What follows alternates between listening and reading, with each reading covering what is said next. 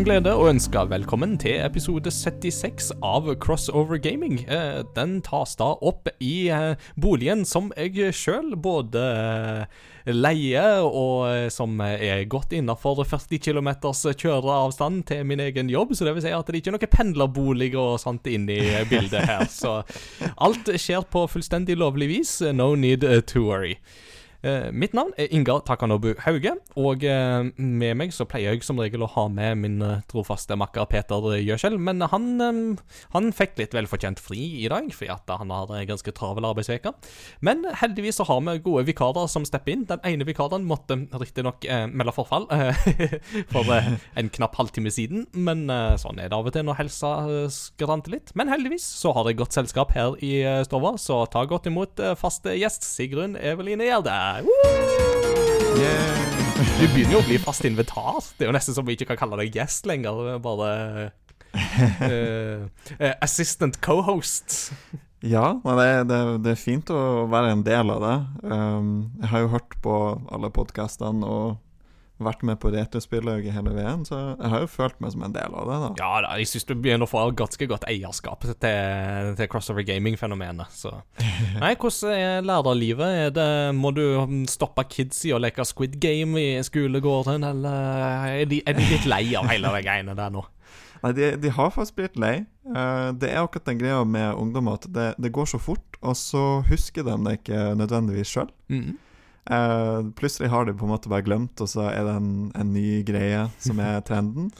Um, akkurat nå så er det jo et oppbluss av, uh, av sykdom og, og noe korona også, da. Mm. Um, så det, det er mye testing. Uh, Bærum kommune tar jo grep med å teste alle elevene på torsdag og på mandag Mm. denne, denne uka. Så det var i dag, og, og så da på mandag igjen. Um, så ja, man, man prøver å få oversikt, i alle fall. da Mm. Nei da, det skal vel bli slutt på den slags òg etter hvert, når vi har bygd opp immunsystemet litt, immunforsvaret litt grann i, igjen, tenker jeg. mm. Mm. Sjøl er det ikke så veldig mye nytt og spennende å melde, annet enn at uh, vi sitter nå ved et uh, helt nyinnkjøpt uh, spisebord. Så det har blitt litt sånn oppussing eh, Ikke oppussing, men litt ommøblering i heimen. Så nå har vi fått et så skikkelig arts and crafts room som kona skal få godt nytte av, så det blir det veldig kjekt. Ellers så er det jo stort sett gaming og sånt det går i før uh, eksamenssesongen kicker i gang for fullt, og det blir veldig travelt. Så jeg tenker vi bare setter i gang.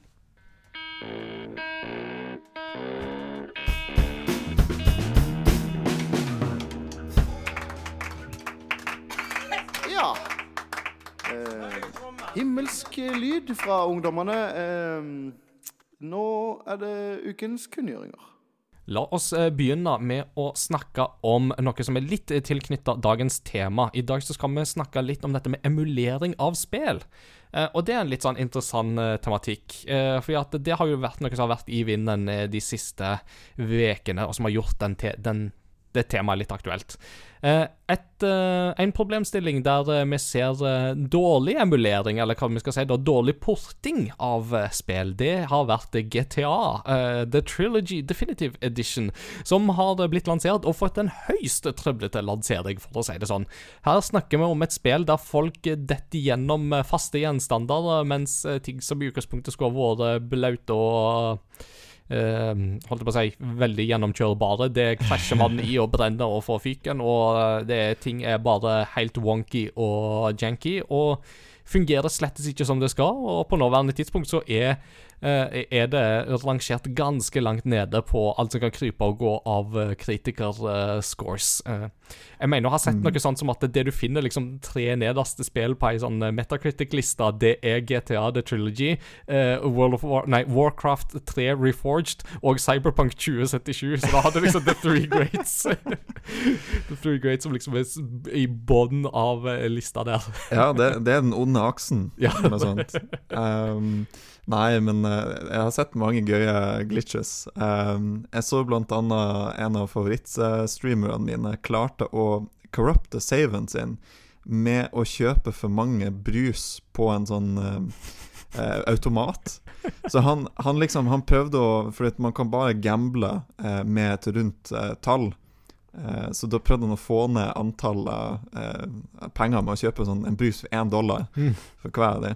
Så etter han hadde gjort det en stund, så krasja bare spillet. Og så når han skulle prøve å loade inn igjen, så fikk han samme krasjen hver gang han loada saven. Å nei!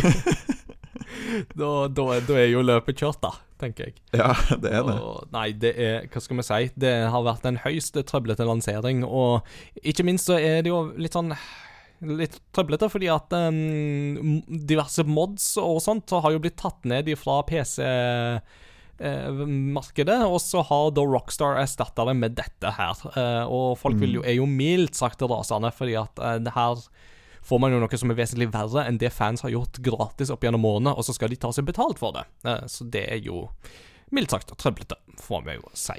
Ja.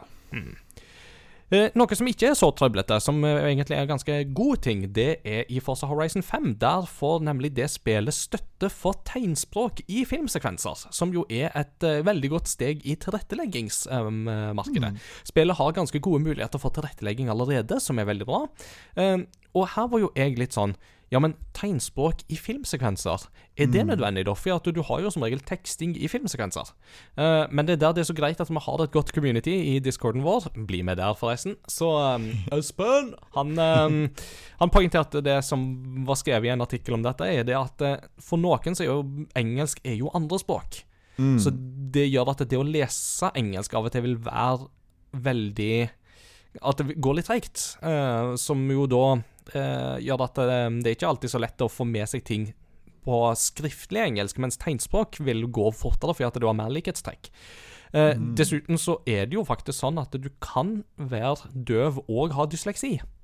Eh, og det var jo en sånn problemstilling som jeg ikke tenkte på.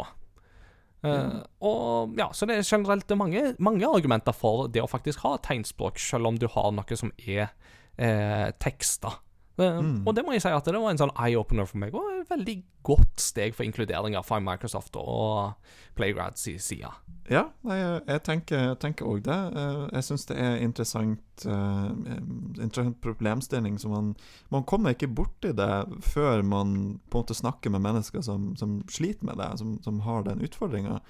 Um, og tenker jeg også med, med andre uh, kule um, eh, representasjonsting som de har, har lagt til i Forza Horizon 5. Eh, sånn som du kan f.eks. designe karakteren din med en protese. Mm. Um, I tillegg til at du kan velge hvilke pronomen eh, Mm. de skal bruke. Inkludert et tredjeparts eh, Eller ja, et et tredje pronomen. Så Mm. um, det er mange muligheter her, altså. Så det er en godt, godt jobba, får vi si. Snakk om godt jobba. En ting som vi glemte å ta nå innledningsvis, var et par feil jeg gjorde i forrige episode, som eh, ble calla ut. Så bare for å adressere at vi faktisk har fått det med, så um, eh, var det da sånn at eh, jeg poengterte i forrige nyhetssegment at eh, Nintendos YouTube-presentasjon av Nintendo 64 expansion-packen var den lågeste rangerte YouTube-videoen noen gang. Eh, det, det stemte jo naturligvis ikke. Det var Nintendos egen altså Av Nintendos egne videoer så var det den mest nedrata. Så det var der eh, feilen lå. I tillegg så hadde jeg en liten feil angående den eh, YouTube-kanalen som jeg påpekte med at det er ikke to eh, terapeuter som sitter i Cinematherapy, men du har en regissør og en filmterapeut. Så beklager det. Og veldig bra at lytterne påpeker disse tingene, for det hjelper oss til å bli bedre.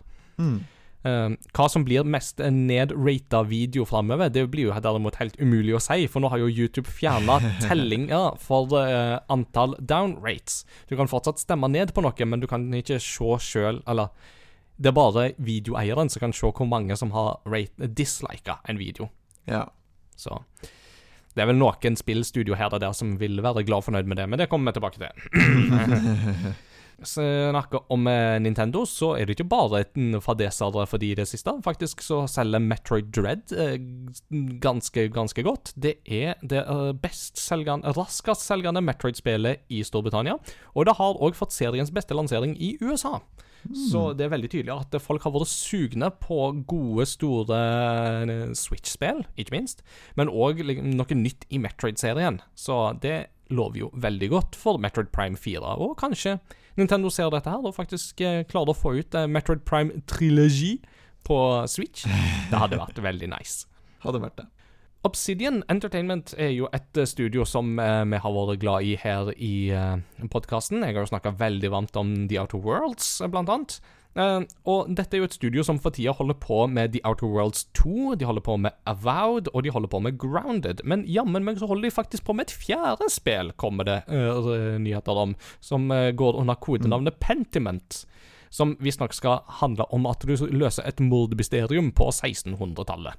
Det skal ikke være så veldig stort i skala, men eh, det er jo imponerende at de faktisk har fire spill i ilden samtidig. Det er jo Ja, det, det sier jo litt om støtten de har oppnådd fra Microsoft gjennom å inngå i den, det samarbeidet da, som de har gjort. mm, Um, utrolig hva folk eh, Man skulle jo tro at eh, Hvem skulle tro det? Så lenge du har litt økonomisk trygghet i bakgrunnen, så blomstrer kreativiteten din fordi du slipper å tenke på økonomi og kan tenke på andre gøye ting.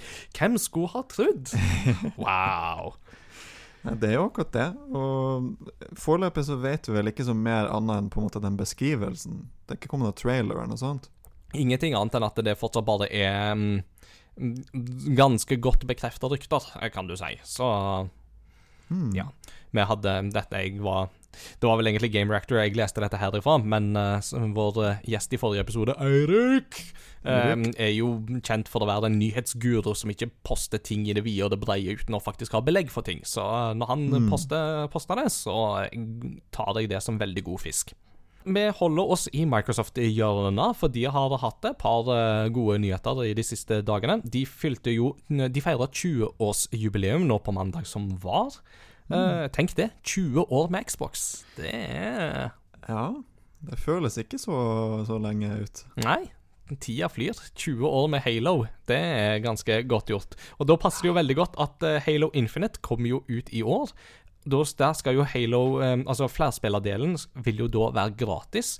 Og det som er litt spennende, er at da Microsoft markerte 20-årsjubileet for Xbox, så slapp de åpen betaen til Halo Infinite-flerspilleren. Så det vil si at akkurat nå så kan du laste ned Halo Infinite-flerspilleren på PC eller Xbox, og så kan du spille det fram til sesong 1 begynner sånn offisielt for fullt i desember. Jeg må dessverre innrømme jeg har ikke rukket å teste det nå før denne episoden, men jeg har lasta det ned, og det kommer jeg garantert til å få spilt til neste episode. Så det blir veldig spennende. Ja, kanskje det går an å få til noe med de discorden? Det hadde jo det? Ja da, det, jeg håper jo absolutt på å få til noe eh, i fellesskap der. I tillegg, på denne 20-årspresentasjonen, så ble det òg da kunngjort at 70 nye spill til Xbox og Xbox 360 er nå blitt bakoverkompatible med Xbox Series, deriblant Max Payne-spillene. Uh, og det er jo kjempegode nyheter. Men i dag så har det òg kommet en nyhet om at Microsoft nå melder at det er det som nå vil komme av bakoverkompatibilitet til denne generasjonen her. De føler de nå liksom De, de har gjort det de kan med det. Uh, og alt videre arbeid med det vil nok koste mer arbeid enn det smaker for de. Eh, så de som vil vente på noe mer uh, bakoverkompatible titler, så må vi dessverre melde at eh, hvis de ikke er på lista inne nå, så vil det sannsynligvis ikke komme. Og det vil bety at eh, da må du faktisk ty til de gamle konsollene for å få spilt disse spillene. Ja. Men den lista er ganske lang allerede, så det er fortsatt et imponerende stykke arbeid.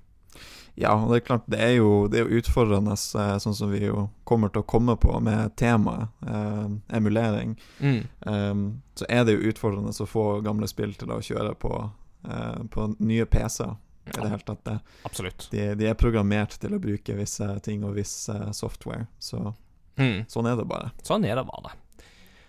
I Japan så er det jo sånn at Xbox har aldri vært den største suksessen. Tvert imot. På um, Xbox One sin tid så solgte den konsollen så dårlig at du nesten kunne telle antall nye solgte konsoller i hele landet.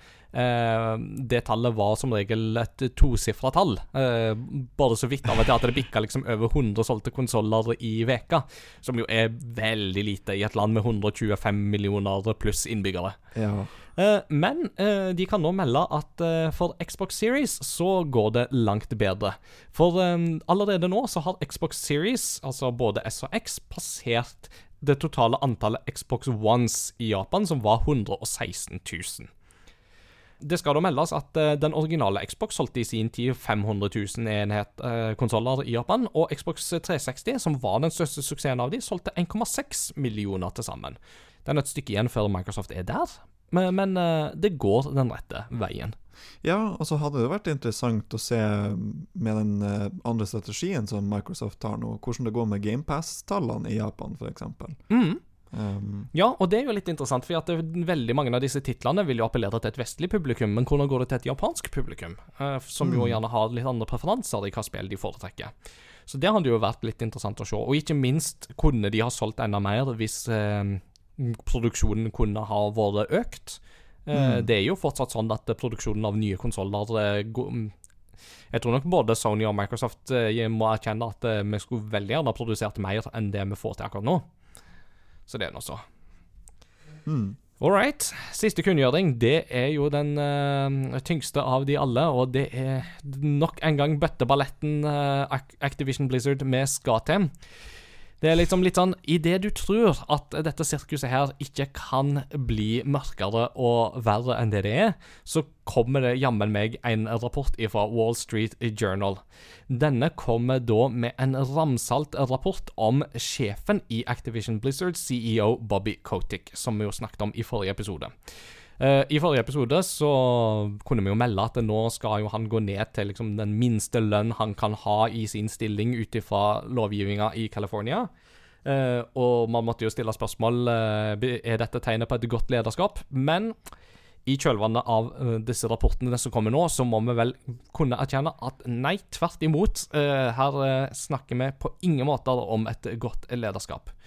Det har vært eh, rapporter som indikerer, eller som viser at Bobby Kotick har ikke bare hatt en veldig god kjennskap til eh, den trakasserende ukulturen som har rådd i Activision Blizzard, men har sjøl òg vært delaktig i dette, tatt del i det, og på ingen måte lagt hindringer for at denne kulturen skal kunne utfolde seg.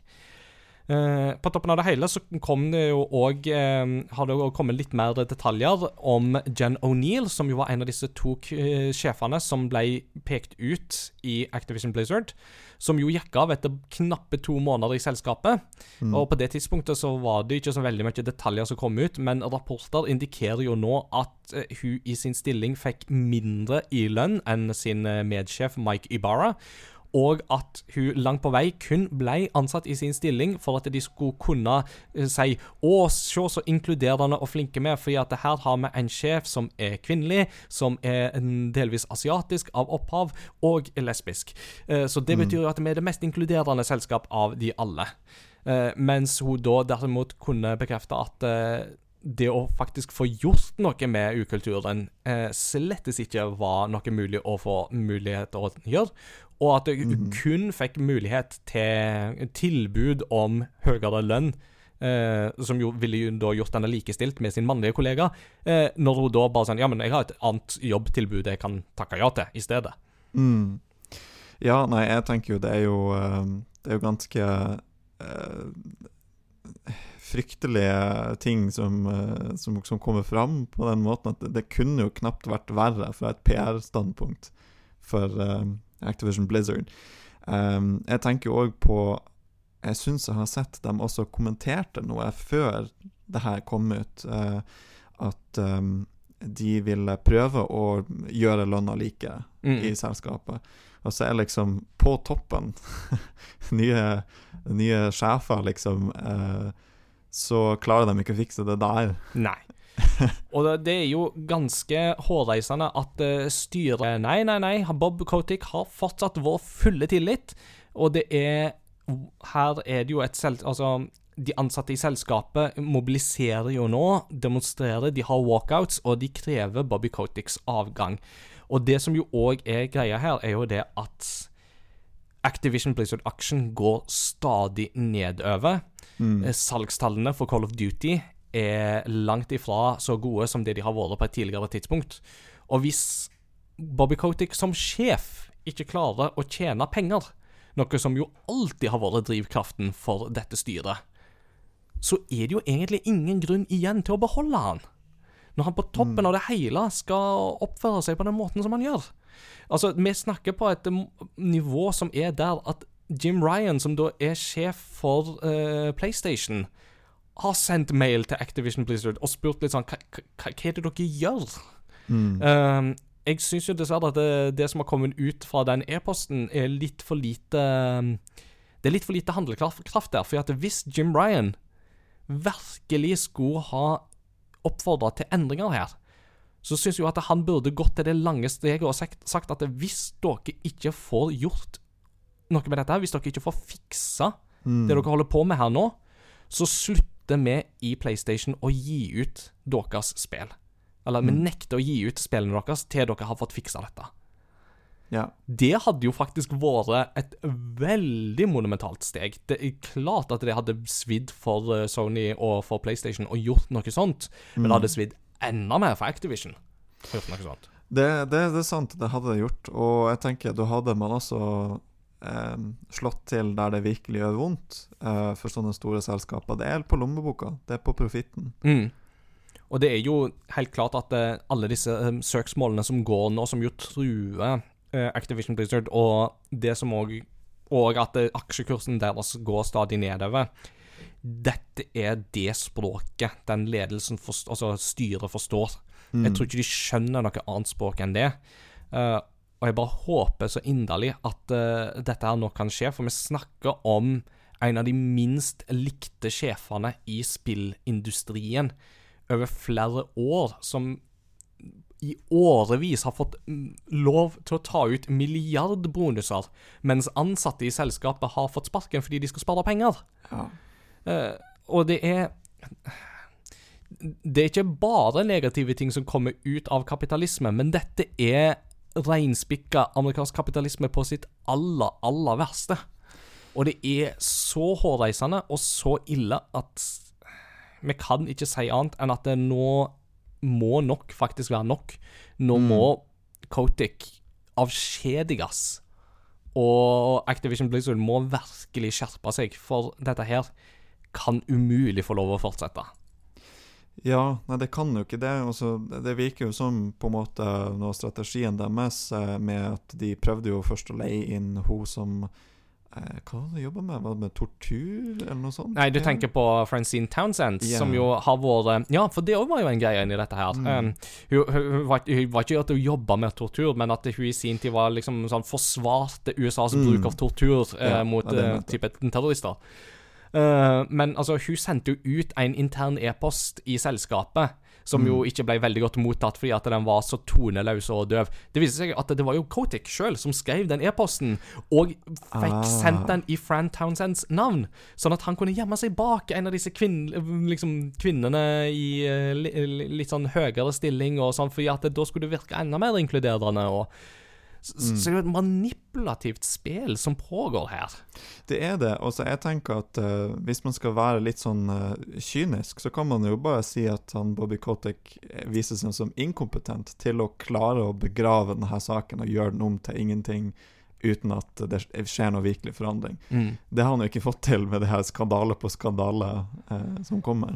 Jeg, ser, jeg, ser, jeg fikk akkurat bare et bilde for meg der jeg ser, at han sitter i stolen sin og sier I am the Activision. Ja. Så Men eh, vi får bare håpe at eh, de nå kan ta til fornuft. Og hvis aksjekursen fortsetter å gå ned, og inntektene fortsetter til å gå ned, så vil jo det være eh, på, Og på toppen av det hele, altså dette vil jo være ting som kommer til å rulle og gå videre, både i rettssystemene og i all den negative Mm. PR-en som kommer i dette her. Altså Når til og med Wall Street Journal tar for seg dette, altså da er det liksom på høyt nivå i det amerikanske finansmarkedet. Så det Mm. Ja, vi får bare håpe og se. Det er en snøball som fortsetter å rulle og gå, og vi får bare håpe at den snart kan smelte og bli et for, for, forgangen kapittel i spillhistorien.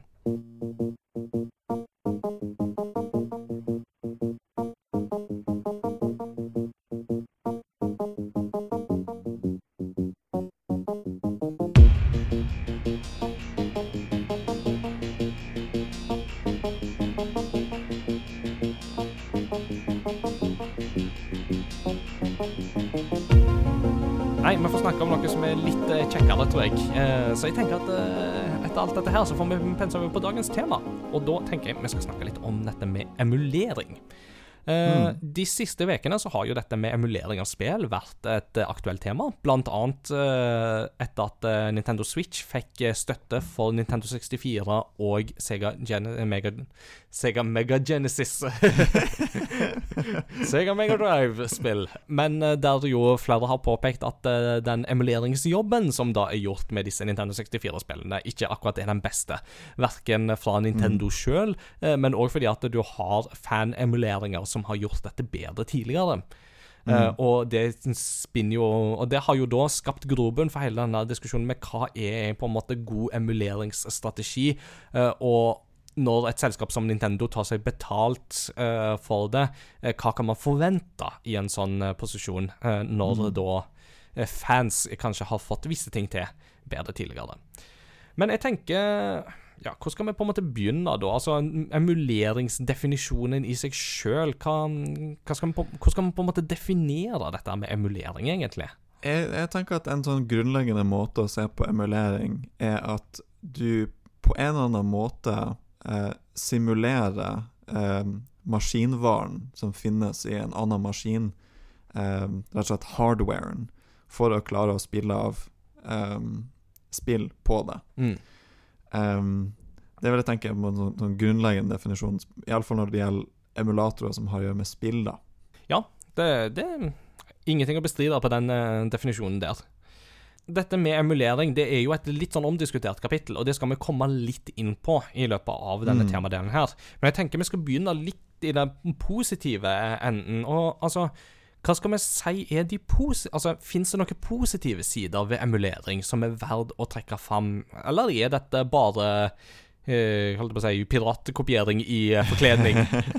Ja, nei um, Jeg tenker at det er flere positive sider med det som ikke går ut på å være en pirat og være en tyv, liksom.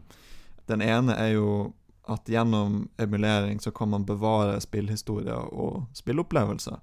Det, det er veldig bokstavelig, faktisk òg. Altså, du kan bringe spill fra gamle formater eh, til, til mer varige. Det kan man jo si for så vidt at eh, gamle kassetter varer jo som regel, varte jo som regel bedre enn CD, fordi CD ble veldig fort ripa opp, og så, så funka ikke det. Mm. Um, men det er sånn som vi var litt inne på med PC-er, som er laga for en PC fra år 1998, f.eks. Mm. Da har den både annen innmat, men også et annet operativsystem. Der um, det er veldig vanskelig Det kan være veldig vanskelig å få spill fra den æraen til å fungere på ja, en maskin som egentlig ikke har så veldig mye til felles med en fra 1998. Mm. Eh, et eksempel på det er jo f.eks. de originale Flåklypa-spillene. Ja. Som jo er vært ganske aktuelt igjen nå i starten av eh, november. Så hør på forrige episode hvis dere ikke har gjort det, om Flåklypa. Nei, så med, med Flåklypa, hvis du vil ha det til å fungere på Windows 10, de originale i alle fall, um, så er du nødt til å bruke noe som heter Noe som kalles en voodoo ra wrapper. mm. Em, Sounds like voodoo. jeg synes, uh, Som en side note syns jeg voodoo er et veldig bra navn for et skjermkort. Den Ja, gjør bare voodoo på PC-en din. ja, ja, men altså, altså, nå er det bare sånn RTX Altså, det var bedre før i tida, da du liksom hadde liksom voodoo og, og Altså Ja, for, for eksempel. Altså, de, de, de var mer spenstige på den tida der, tenker Ja. jeg, med disse grafikkortnavnene. De, de var det. Og så sånn kort fortalt det de klarer å gjøre, er liksom å, å få programmet til å bruke en mer moderne versjon av eh, skjermkortdrivere. Mm. Og, og bruke det som, det som skjermkort bruker i dag. Og det, det er en av de eneste måtene du får det spillet til å kjøre. På andre områder så er det Emulering kan gi grafiske forbedringer. Mm. Du kan f.eks. sette inn widescreen på et spill som aldri var laga for det. Eh, du kan eh, få bytta ut teksturene. Mm. Du kan sette inn anti-aliasing, sånn kantutjevning og forskjellige sånne type ting, som eh, er veldig, veldig praktisk på eh, f.eks. Eh, GameCube, eh, PlayStation 1 og Nintendo 64. Mm. Det greit å jevne ut noen av de kantene. Ja, det, det, det blir litt mye polygoner eh, her og der, eh, man må innrømme det. Det, det blir det. Um, et annet interessant eksempel som jeg, som jeg fant, var uh, Det kom en ny emulator som er ganske krevende til PlayStation 1. Ja. Um, der, for de som har spilt PlayStation 1, og spesielt sånne spill der du kan gå rundt i en slags åpen verden, da vil du se at linjene er på en måte ikke helt rette. Mm. Det føles ut som de krummer seg eller bøyer seg når du beveger deg. Så det, det er en emulator som klarer å, å rette det ut Mm. med noen, med noen innstillinger. Og da ser jo det spillet plutselig bedre ut enn det noen gang har sett. Wow. Imponerende. Det er f.eks. Uh, Driver, uh, en sånn type spill. Ja, ja, ja. Uh, der du har mye bygninger og sånn. Mm. En tredje ting er du har muligheter for eh, tilpasninger der utviklerne ikke har lagt til rette for det. Mm. Så sånn som vi snakker om med, med Microsoft, eh, med eh, den spesialkontrolleren de lagde, der du kunne koble til hvordan som helst slags sånn Det kunne være en fotpedal, f.eks., eksempel og, sånne type ting. Mm. På PC, så når man kobler det inn og bruker en emulator, så kan man jo egentlig bruke nesten hva som helst Mm. som kontroller, så lenge emulatoren støtter det. Nei, det er kjempebra. Eh, man har også muligheter for oversettelse av, av spill som Ja. aldri er utgitt i en annen region. Ja, det har jo jeg tenkt eh, mye på, for det har jo alltid vært et litt sånn sorgens kapittel for meg, som er jo er glad i japanske rollespill. Så er det jo dessverre mange japanske rollespill som aldri forlot Japan eh, i det hele tatt, og noen kom aldri så langt som til Europa. Det var jo særlig et tilfelle på 90-tallet. Så var det jo flere spill som jo kom ut i USA, eh, men eh, de kom liksom aldri så langt som til Europa, da, dessverre. At eh, vi vi fikk litt manko på det, det dessverre. Det tok seg jo litt opp etter Final Fantasy 7. Da kom det jo en sånn JRPG-bølge, men fortsatt var det jo mange spill som ikke ble oversatt, og som jo da fans har måttet oversette i etterkant. Eh, For en, en type forskjellige emula emulatorer. Ja, for den eneste måten å, å spille de på var jo gjennom emulator. Eh, en annen løsning som man jo har i dag, er å bruke flashcards, Mm. der du kan eh, laste inn spill på et SD-kort Ja. og spille det inn i originalkonserten, eh, konsollen. En av de vanligste merkene er jo Everdrive, Ja, ja, eh, som, som får gjort det. Men eh, det koster jo skjorta. Det er Mm. jo ikke billig for Nei. en sånn Everdrive. Inne på noe av det samme, eh, romhacks, Mm. eh, der folk f.eks. legger til baner, eh, mer innhold, rett og slett. Eh, du kan se på det på en måte som modding av spill som ikke er utgitt på PC. Mm. Så spill som bare var på en konsoll, eh, gjennom emulering, så har man da klart å modde sånne typer spill. Mm. Eh, man kan jo faktisk si òg at hele Mario Maker-ideen kom jo av at veldig mange laga sine egne versjoner, egne baner av Mario, Mm. på emulatorer. Mm. Ja, det, det, det er ingen tvil om at uh, fan-communityet nok har inspirert der, tenker jeg. Og det er jo litt sånn interessant uh, med at uh, i Zelda eh, så er det jo ikke direkte liksom sånn dungeon makers og sånt. Du har, for, altså det, du har jo på en måte det òg, men det som jo kanskje er større der, det er jo Zelda randomizers. Som jo er en form for Mm. sånn romhack, der de uh, stokker om ting, f.eks. i A Link to the Past, da, som jo er veldig populært for, for dette her, der de tar det forskjellige innholdet i dungeons i A Link to the Past og bare stokker tilfeldig om, og noen ganger så blir det så stokka om at det går ikke an å komme seg videre. Mm. Ja, altså, vi, vi kommer jo inn på noe, noe med, eh, med speedrunning. mm. At eh, emulatorer har vært ganske viktige for speedrunning, Mm. rett og slett. Jeg tenker også på at du har muligheter for å streame spill som ellers ville være vanskelig å vise. Mm. Eh, det er er litt sånn kronglete løsninger for å få vist Nintendo DS eller 3DS, Mm. hvis du skal streame det og overføre signalet. Så da kan det hende at det er enklere å, å emulere de spillene. En annen mulighet som vi har vært mye inn på på retrospillauget, er jo det er jo gjennom emulering at man kan lagre hvor man vil, Ja. og skru tilbake igjen, eller hva det skulle være. mm. Og det har jo sin, sin rot i at um, det er ulike generasjoner med, med spill som er programmert etter andre filosofier. Mm. Det var de som var ment for Arkadegulvet, der de skulle bruke mest mulig mynter. Mm. Originale lootboxen. oh yeah, det er en veldig stor lootbox. Mens i, i dag så har man jo en helt, et helt annet landskap. Man har en overflod av, av spill nå, og kanskje har man ikke tid til å get good i alle spillene man Mm. spiller. Jeg, jeg husker i alle fall at eh, Crash Bandicoot var mye mer gøy med Ja. safe states. det ser jeg så absolutt for meg. Det, for det første spillet der, det kan være et mareritt til tider. Mm. Jeg vil ikke se en hengebro igjen i, Eller en sånn taubro igjen i mitt liv. Åh, Øh. the frustration. Men det, det klarte jo du å hacke for, Eller ha, ha, indirekte hacke for at du fant jo en cheat på det. Mm. At det bare var å hva skal si, komme seg opp på disse her tauene som man støtter seg på. Ja, det er jo en av de tingene på, på akkurat de banene. Så kan man hoppe på tauene og balansere på dem. Nei, ei, ei. Men ja, også den siste tingen som jeg kom på i farta, i alle fall, eh, var eh, tool assisted speedruns. Ja. Det er kjempegøy å se på. Det er rett og slett eh, en speedrun som er gjort av datamaskin. Så den gjør umenneskelige ting. Oh. Den liksom gjør ting som er så raskt at et menneske vil ikke kunne trykke inn den kombinasjonen, eller gjøre den, det trikset, f.eks. Ah. Det, det er veldig gøy å se på, eksempel i Smash Bros, der folk gjør Smash Bros tool assisted um, speedruns. Um, så da, da gjør det jo bare sånn at på morsomme måter klarer de å slå fiendene. Wow. Um, og måten det fungerer på, er jo på en måte at de kan sakke ned spillet til hver enkelt frame, Mm. og velge helt perfekt hva karakteren skal gjøre. Mm. Det var sånn, jeg, det eneste jeg begynte å se for meg, var egentlig at Super Smash Bros. ble eh, gjort om til noe som basically ble liksom der Dragon Ball-kamper, der du bare har sånn wing, wing, wing, altså.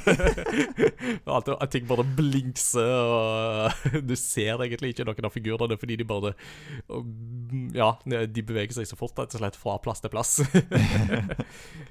Um, en ting som jo jeg kom på, uh, og som er, kan være liksom et, et, en fordel med med emuleringer, er jo nettopp dette her med at uh, du, du, vil være lettere stilt til å velge den versjonen av spillet som fungerer best.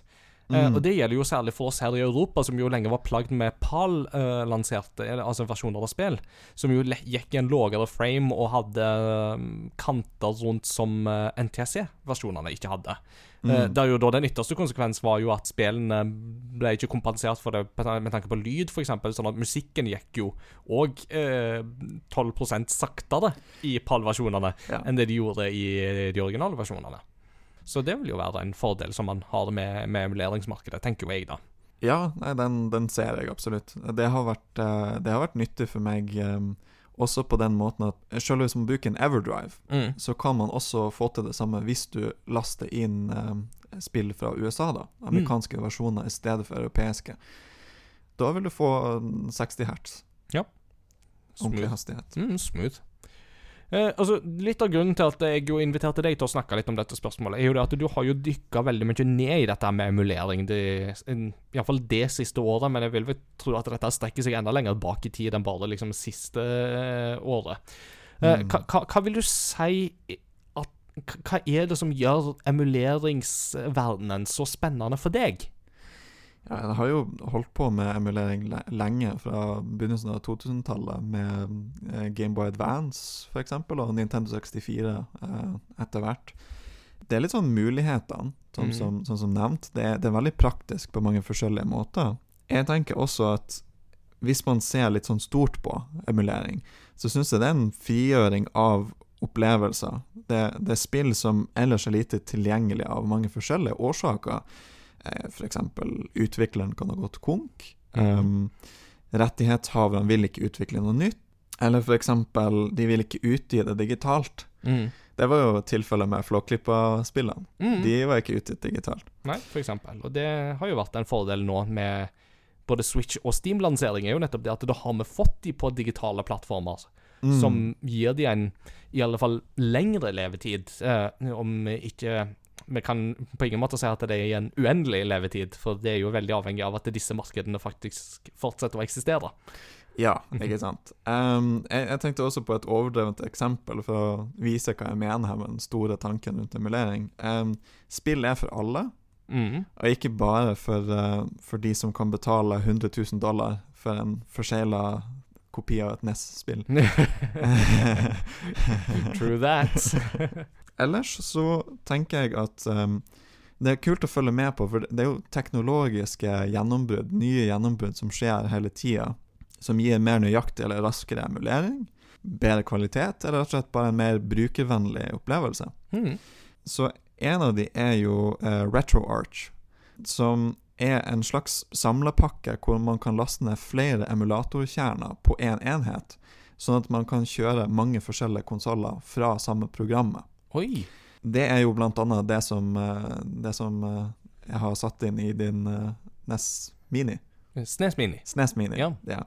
Det, det er gjennom RetroArch at du kan laste ned flere emulatorer for samme konsoll òg. Mm. Så det vil si at ok, hvis det her spillet ikke funker i den ene, så kan du laste ned den andre, og så fungerer det bedre der. Mm. Men ja, det er gjerne RetroArch som man bruker på en modda PlayStation 1 Classic eller NES eller SNES Mini. Men man kan også bruke det på en eh, GameCube eller en Wii eller en Switch, PlayStation 3, PS4. Eh, hvis man har homebrewa den, Mm. så kan man gjøre den. Hvis man da har på en måte hacka den, Mm. kan man si. Og det sier seg sjøl at ytelsen du får på emulasjon, vil variere av hvilken maskin du gjør det på. Ja. Hvis du prøver å emulere noe på en uh, GameCube, så vil resultatet ikke være like bra som på, på en PS4. da. Nei, naturligvis. Men ja, eh, RetroArch er jo også bare mer praktisk enn å ha 15 forskjellige konsoller rigga til TV-en til enhver tid. Jeg, jeg, skjønner ikke hva du snakker om. Det, ser bort på TV-benken min og bare You sure ask a lot of questions. Ser bort på TV nummer to. Ser bort på flatskjermen, ser bort på kasse-TV-en. Hadde det vært opp til meg, så hadde jeg hatt enda flere konsoller framme. Men det er noe som heter plassbegrensninger òg, altså. Det mm. Akk, ja. Ja. Nei, men det er det med at liksom nye gjennombrudd som er veldig kule å følge med på, som bare Du gjør noe som er mer enn det de som har utvikla spillene, noen gang klarte. Mm. Så en av de tingene jeg tenker på da, er Project Slippy, um, som er en, en mod til eh, Super Smash Bros. Melee fra GameCube. Ja. Den lar deg spille online. Ja, stemmer det. Jeg tenkte Mm. at det var noe Star Fox-relatert siden det var Slippy. Men, eh, og det, det er jo for så vidt, siden Fox er jo med i, uh, i Yeah. Super Smash Bros. da. Men ja, stemmer det. Det er jo den som åpner for online-spilling. Ja, det gjør det eh, gjennom Dolphin-emulatoren. Ja Så du kan spille det på PC-en gjennom, gjennom Dolphin-emulatoren. Og eh, det er med et minimum av lag. Det, det er en utrolig bragd, det, Mm. de har, det de har fått til med det. Det er jo noe som Nintendo sliter med. Med liksom moderne Super Smash Bros. er jo dette her med lag, ikke sant. Så det at eh, fansen faktisk klarer noe som da heimestudioet sjøl ikke får til, og det er da på et spill som ikke er støtta for det engang, det er jo temmelig imponerende. Mm. Um, det var også under pandemien i juni 2020, så, så slapp de en ny oppdatering um, som introduserte rollback nettkode, eller rollback netcode. Ja. Eh, I fighting-spillmiljøet så er det kjent for den beste typen netcode, som gir det minst mulig lag. Ja. Og eh, etter hvert så ble det organisert eh, turneringer i løpet av koronaåret over nett, Mm. men de slo Nintendo hardt ned på. Ja, som eh, Nintendo gjerne gjør med alt som er relatert til internett og deres properties. Ja. Det, på ene sida så, så har man en forståelse for det, for at de må jo beskytte sin IP. Uh, for at hvis de ikke gjør det, så risikerer man jo at folk gjør hva de vil med den. Så det, Mm. men, men det er samtidig noe med at du, du har Altså, det handler jo om å skjelne litt intensjoner her òg, ikke sant? Og sånn som streaming som fenomen, for eksempel, er jo ikke et konsept som er meint for å eh, forhindre salg av et spill, eksempel. Mm. Eh, Tvert imot så kan jo, hvis en streamer st- Hvis den rette streameren strømmer et spill, så kan jo det plutselig øke salget 100 ganger. Men, men det er jo sånne ting som Nintendo ikke later til å forstå, da. At eh, de, de må liksom slå så prinsipielt hardt ned på absolutt alt. Og det er litt synd. Er det sant? Også den YouTube-policyen de har, de er veldig veldig strenge på hvem som får bruke klipp fra spillene sine i, Mm. i videoer på, på YouTube. Mm. Nei, men altså, det, det er sånn som du var inne på, eh, så var det, var det klaging på hvordan nettkoden i Project Slippy eh, er bedre enn i Ultimate eh, fra, fra fansen. Mm. Så det, det var det de direkte klaga på i henhold til de turneringene òg, der det var umulig å få det til over nett i Ultimate, men det gikk i Project Slippy. Ja, og det da det, det, det er jo litt sånn Ja, hva skal jeg si Det er jo ikke akkurat det, beste uh, å få på få, få fra fansen, da. For at, eh, særlig for Nintendo, da, som jo har en dedikert fanbase, ikke sant. Men som samtidig mm, Jeg tror òg det at man må på en måte erkjenne det at hvis vi skal yte fanbasen rettferdighet, så, så må en steppe opp, da. Ja. Eh, Project Slippy utvikles fortsatt å, å bruke, så du kan, man kan se de beste sp- spillerne spille mot hverandre. De har laga det til noe som eh, jeg tror heter Slippy Champions League. Der du har eh, noen av de, de beste spillerne fra, fra Mili. Flere av dem som er, er spilte i, i begynnelsen, spilte for lenge siden. Så du har f.eks. Mango Mm. er, er fortsatt med å, og spille i de netturneringene. Men det er jo da eh, det, uten eh, sponsorer og, og penge, pengepremier. Eller Mm. i hvert fall veldig lave pengepremier for å ikke ja, få oppmerksomheten til Nintendo. Don't, don't, don't wake the dragon. Ja, som man sier. Don't Um, wake the Bowser. Må det vel bli i Nintendos tilfelle. Og da kan man jo spørre seg Ja, hvilken av den tenker du på Bowser i Mario, eller tenker du på Doug Bowser, som er sjef for Nintendo of America? Det er fortsatt helt surrealistisk for meg at det faktisk er sant. og jeg minnes fortsatt den fine presentasjonsvideoen der Bowser hadde tatt på seg slips og var så klar for å bli sjef, og så bare Nei, det er ikke deg det er snakk om. Stakkar. Oh. En annen kul, kul side ved emulering som jeg har oppdaga i, i retrojakten min, var at man kan få eldre lightgun-klassikere til å fungere på Wii Oi. hvis man eh, da eh, legger en emulator på den.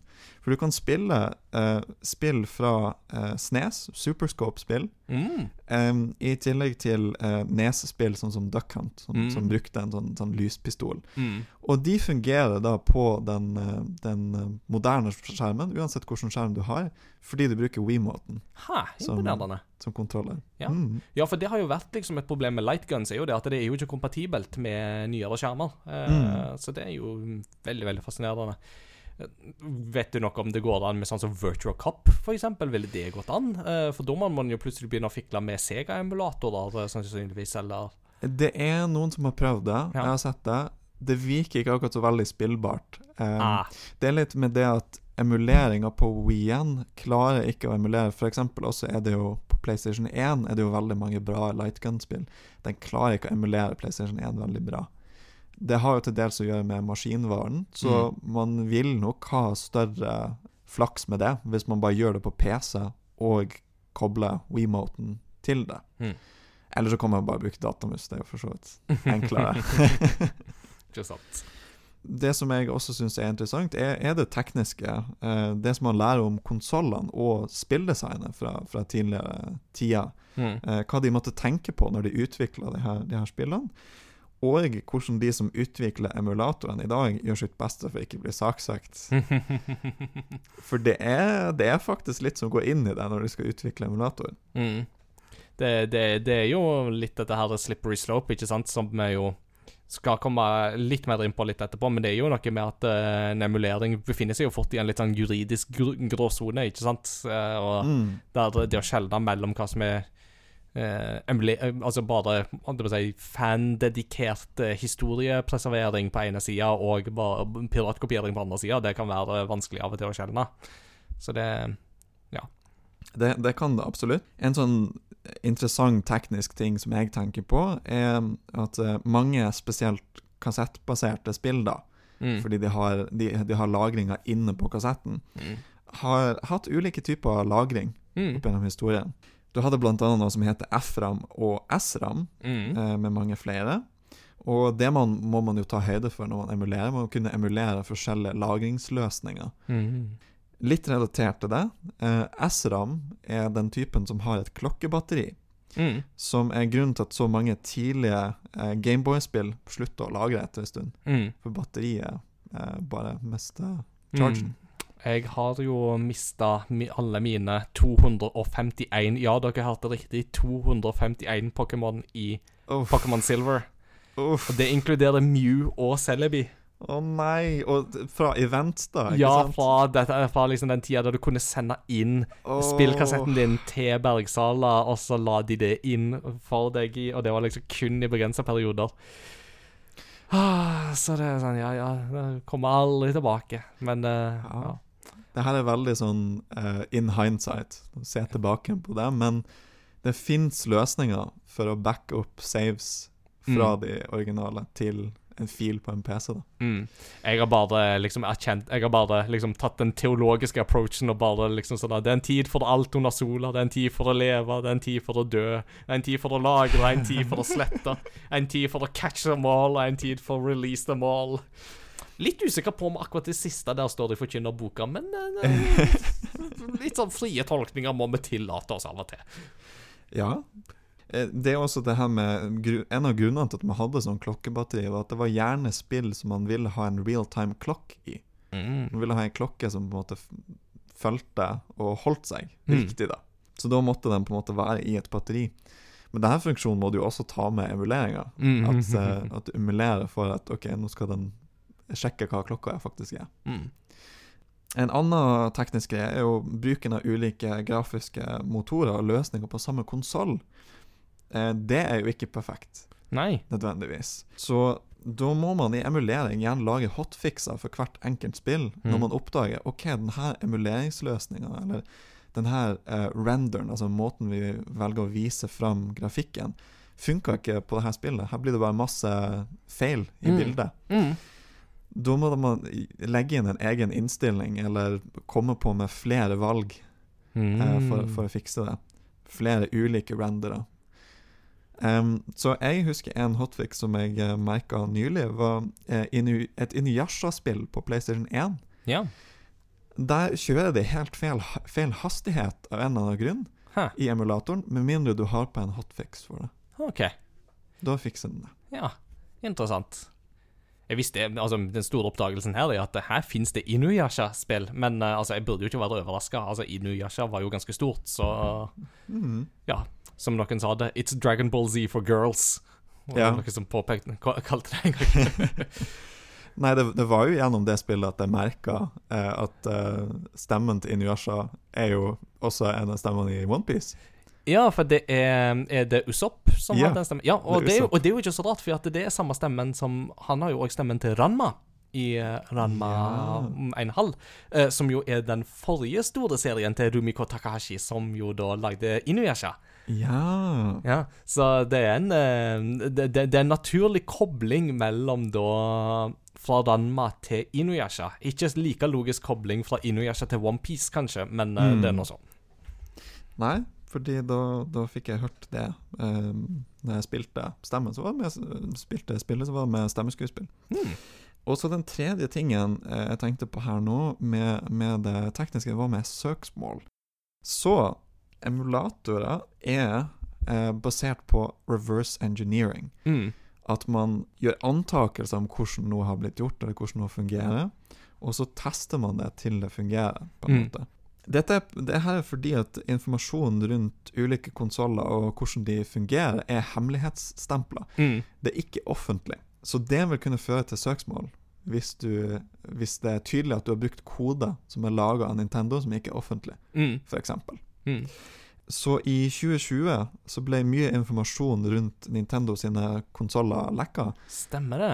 Og ulike forskjellige utviklere, bl.a. de bak eh, GameCube-emulatoren Dolphin, de distanserte seg veldig tydelig fra de her lekkasjene for å unngå søksmål. Ja, naturligvis, for de vil jo ikke at deres eh, arbeid skal Altså frukten av deres arbeid skal gå til spille. Mm. Det er jo litt interessant det der med, som du sier, det med reverse engineering og sånt. fordi at um, i, For de som jo har hørt på um, vår Retrospellauge-episode om Donkey Kong Country, så var det jo sånn Rare, uh, eller Ultimate Play the Game, som det jo het i sin tid um, Men altså, Rare sitt forhold til Nintendo begynte jo nettopp som en følge av reverse engineering. For Nintendo sjøl mente det at det å reverse engineere uh, den originale Famicom var umulig. Mm. Og disse og Stamper-brødrene de tok jo på seg den utfordringa, uh, og klarte faktisk å lage spill til Famicom basert på at de hadde da tatt og reverse-engineera konsollen. Mm. Uh, og på det grunnlaget, Og da kunne du jo fått tenke at Nintendo ville saksøkt dem, men på det tidspunktet så var Nintendo bare så imponert at de jo da sa til Stamper-brødrene at bare Lag spill til Famicom. Ikke tenk på penger. Ubegrensa budsjett. Og bare liksom Bare lag. For, for da ble de så imponert over det, fordi at Mm. de hadde sjøl ansett dette som en umulig bragd. Ikke sant? Og allikevel så hadde da noen yeah. to, to briter klart å få det til. Og da var det bare sånn der Hire this man! Ja, det er stilig. Eh, imponerende det de fikk til. Men det er apropos det her med Nintendo og eh, den eh, emulasjonsbiten av Nintendo 64, som, eh, som jeg tenker gjør at det blir et sånn uforsvarlig resultat. Mm. Altså, den kvaliteten de har fått til på emulasjonen, er uforsvarlig. Fordi selv om man kan si at Nintendo 64 er notorisk vanskelig å emulere, det er Mm. ingen emulator ennå som klarer det helt perfekt, så sitter Nintendo på en helt annen info som utviklerne av de her andre emulatorene ikke har rettslig lov til å bruke. Nei, det er helt sant. Og e- et aspekt her òg er jo eh, Noen som blant annet har vært inne på dette, her er jo sånn som Modern Vintage Gamer uh, på, på YouTube. Men greia med Ocarina of Time, for eksempel, da, er jo at det er jo et spill som Nintendo sjøl har emulert tidligere. Mm. Allerede så tidlig som GameCube emulerte de jo det. På denne her Master Quest-disken og på denne her Collectors Edition-disken så er jo det spillet emulert. Og da er det emulert skikkelig bra. Mm.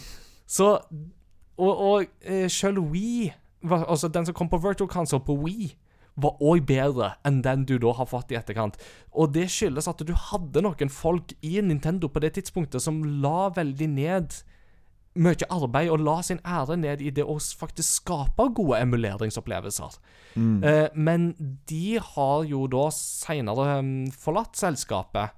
Eh, og Nintendo har på en måte forlatt litt Altså, de har, de har liksom ikke fulgt opp den arven, da, som som, som de la ned i dette gode emulasjonsarbeidet, som jo da har resultert da i at du nå f.eks. da får en emulering som er subpar i forhold til det som Nintendo sjøl har gjort tidligere.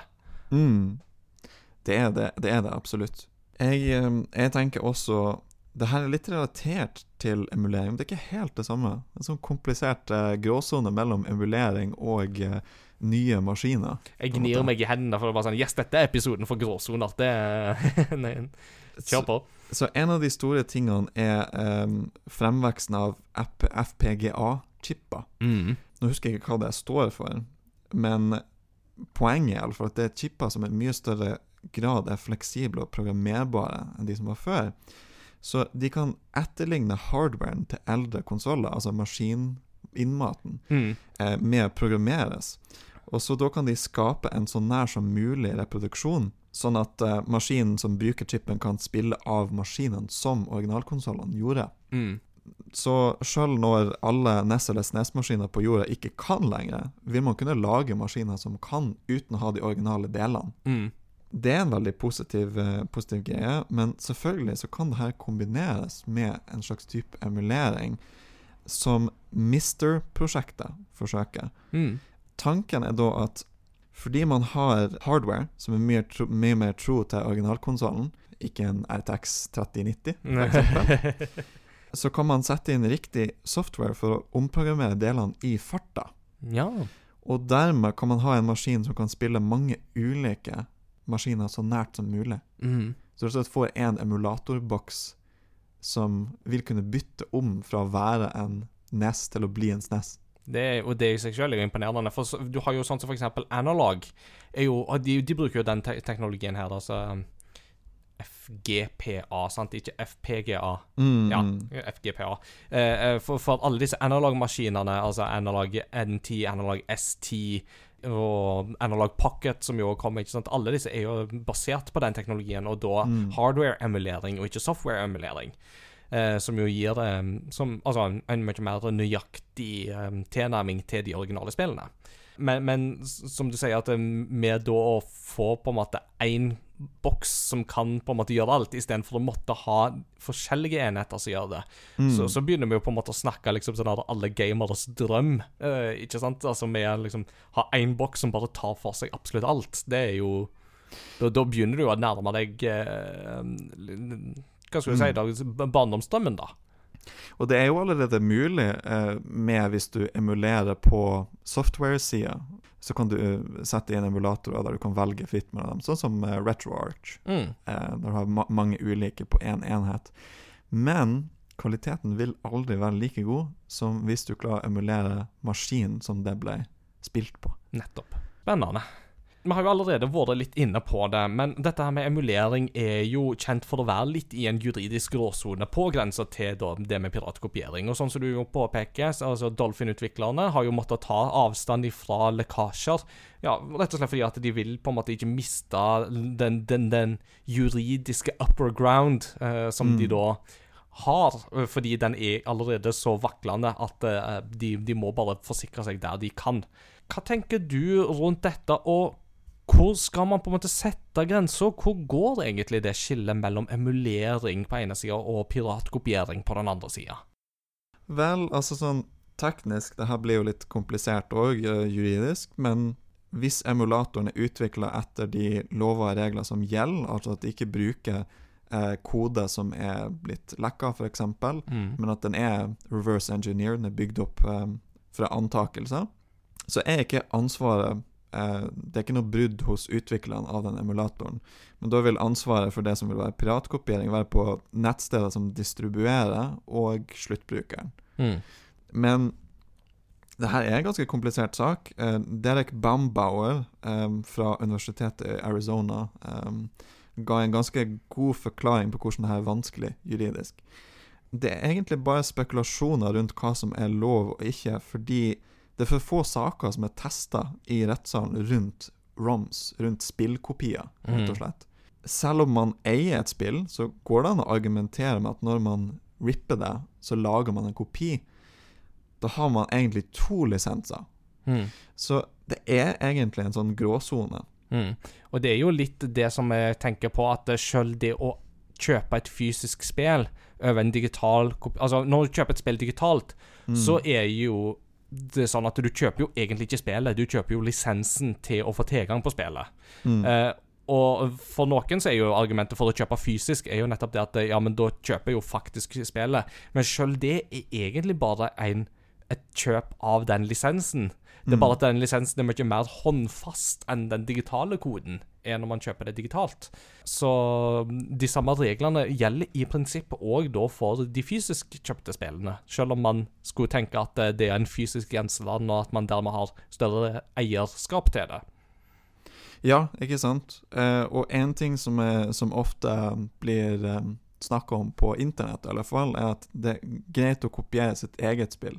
Men det er også egentlig en juri- juridisk gråsone, fordi at eh, sånn, som, sånn som vi var inne på, som vi nevnte, du har egentlig bare én lisens. Hvis du lager en rip-on, så har du fått deg to lisenser. Og distribuering, og gi det videre, er selvfølgelig helt ulovlig. Mm. Det er der det blir liksom he helt ulovlig. Men jeg, jeg syns personlig at det burde være greit å kopiere sitt eget spill på den måten at for å bevare det. Mm. Altså, jeg har jo sjøl mista flere spill som har blitt ødelagt.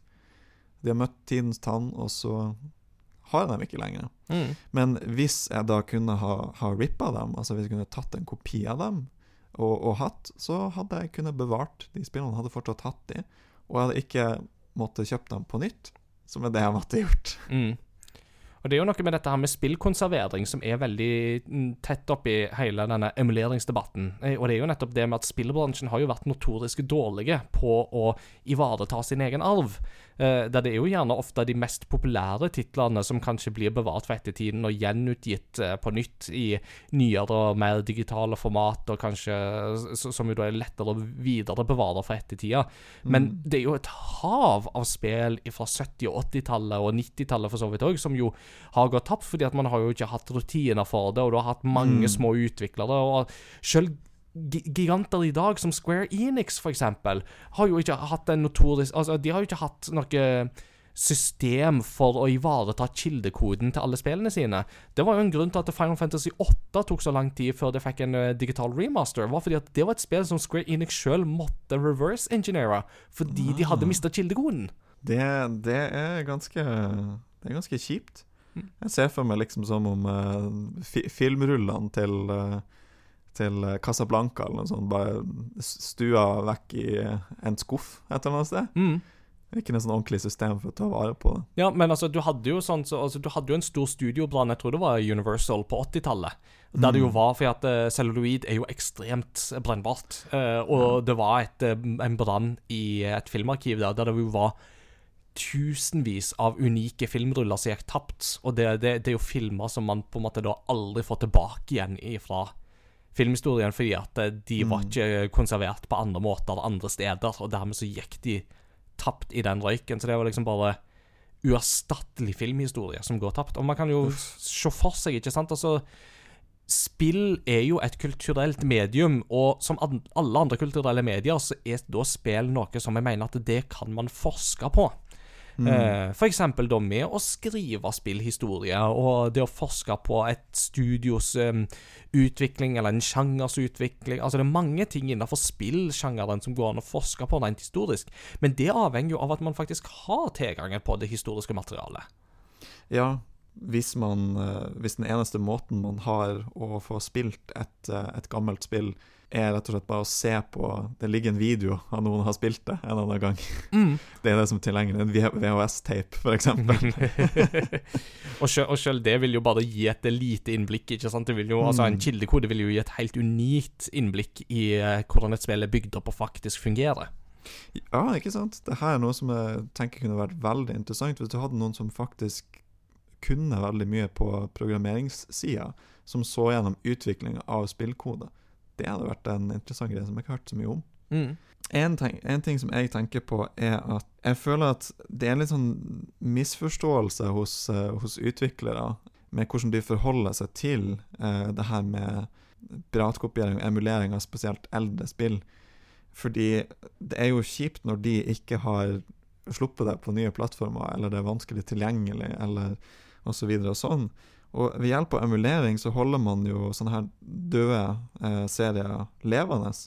Det skaper jo grobunn for nettopp et nytt innslag i serien. Mm. For folk husker fortsatt at det fins. Mm. Så det er jo litt sånn som uh, kom ut for ikke så lenge siden, var Actracer. Sant? Ja, Actracer Renaissance Uh, Mm. er jo et kjempegodt eksempel. Uh, gammel Quintet-klassiker der Square Enix har jo ikke ofra de gamle Quintet-spillene nærmest en tanke. Eh, Siden de ble gitt ut, og så plutselig ut av det blå så slapp de en ny versjon av Quintets første Super Nintendo-spill. Bare sånn ut av det blå. bare sånn, å, Se her, her er en ny versjon av dette spillet. Og det er jo sånt som får sånne som meg til å krysse fingrene for at kan dette bety at eh, Square Enix kommer til å rette fokus mot uh, den uh, Quintet-trilogien, som man ofte kaller det. Altså Soul Blazer, Illusion of Gaia, Terranigma. Det, det hadde jo vært virkelig gull. Altså For per dags dato så er jo Super Nintendo den eneste plattformen de spillene er lansert på. Ja. Og det er ikke spill som er lett å få tak i, for å si det sånn. Mm. Det, det er de absolutt ikke. Og man kan jo tenke seg et mer sånn ja, populært eksempel, da, med, med Metroid, som, som nettopp har gått tilbake til, til 2D-stil mm. i et spill. Hvor, hvor mange over årene, opp gjennom årene, siden liksom Super Metroid og siden Gameboy Advance-spillene, har ikke emulert Metroid? Mhm. Um, så det er, jo, det er jo veldig lurt at Nintendo skjønte det var smart å gjøre sjøl, Mm. tilby noen av de her spillene i en uh, online-tjeneste. Mm. Men så var det jo akkurat det med eh, kvaliteten, da. Mm. Så det er jo spørsmålet nå, når man tenker på den emuleringa som er på Nintendo 64 Altså, et piratkopieringsargument er jo at du kan få et bedre eh, en bedre opplevelse med å bruke en annen emulator enn Nintendo sin. Mm. Og det er jo veldig synd. Fordi de skal egentlig tilby noe som gjør det lille ekstra. Ikke sant? Særlig når det er å ta betalt for det, tenker jeg da. Mm. Det er jo interessant at du nevner det med Metroid i den uh, saken. Altså Når vi nå snakker om dette med emulering på ene sida og piratkopiering på den andre sida. For Metroid Dread var jo et spill som jo lekka før lansering, Mm. og som jo da åpna opp for at hvis noen hadde har åpna sin Switch for piratkopierte spill, så Mm. ville man ha muligheten til å laste ned eh, Metroid Dread og spille det før lansering. Og da kanskje òg med det resultatet at eh, du ikke betaler for det. Og Mm. det, da er vi jo inne på det som jo faktisk er det reelle problemet med piratkopiering, nemlig det at det, mm, selskapene taper penger fordi at eh, folk stjeler deres produkt framfor å faktisk Mm. betale for det. Men så er jo da spørsmålet her, når man da faktisk har betalt for et produkt på et tidspunkt, og man for lengst er passert det punktet der dette spillet lenger vil generere inntekter for selskapet, Mm. hva skal vi da tenke rundt dette med emulering? Altså, hvor, hvor, eh, hvor, hvor skadelig vil den emuleringsjobben da være, er jo da eh, spørsmålet. Ja, og jeg tenker jo også sånn med eh, Et av de dyreste GameCube-spillene er jo Fire Emblem Path of Radiance. Det er jo et av de spillene som ikke er tilgjengelig, man ikke får, får tak i. Og i tillegg kan du La oss tenke oss et tenkt eksempel, da. Det er noen som er den største Fire Emblem-fan i verden. De elsker Fire Emblem. Mm. Og de vil gjerne betale 3000, som er sånn cirka det det koster på eBay, for Fire Emblem Path of Radiance. Mm. Men de vil at utviklerne skal få pengene, Mm. ikke at de pengene skal gå til en tilfeldig person som bare kjøpte det Mm. for 15 år siden. Ikke sant? Og, og, og, det, og jeg tenker jo det er jo i, I en ideell verden så burde det jo vært sånn, ikke sant, at utviklere sjøl 15 år etter eh, Mm. kan selge et spill, eh, og at eh, de som faktisk da vil støtte det spillet, faktisk kan få, få tak i det. Mm. Eh, det vil jo være det ideelle scenarioet. Og med digital distribusjon så har jo det i en mye større grad åpna seg, nettopp dette her. Men, men, eh, det, det er jo en tid før spillene har vært digitaliserte. Og et annet spørsmål er jo òg hvor lenge vil de digitale distribusjonsrettighetene være der? For det vil jo være andre ting som spill kan være knytta til og begrensa til, f.eks. bruk av lisensierte produkter der Mm. lisensen faktisk har gått ut på dato, og da har ikke de lenger distribusjonsmuligheten for det spillet, med mindre de da patcher ut disse tingene. Ja, noen av de verste eksemplene på det er jo spill som har blitt fjerna på Steam Mm. Uh, pga. Uh, lisens. Der man fortsatt får spilt og, og, og eh, ha det, Ja. hvis man kjøpte det Mm. uh, før det gikk av Steam. Ja, Altså, Mm. Skrekkeksempelet der var jo da Telltale Games uh, gikk konk plutselig. For da var det jo en, et hav av disse lisensene som plutselig var oppe i vinden.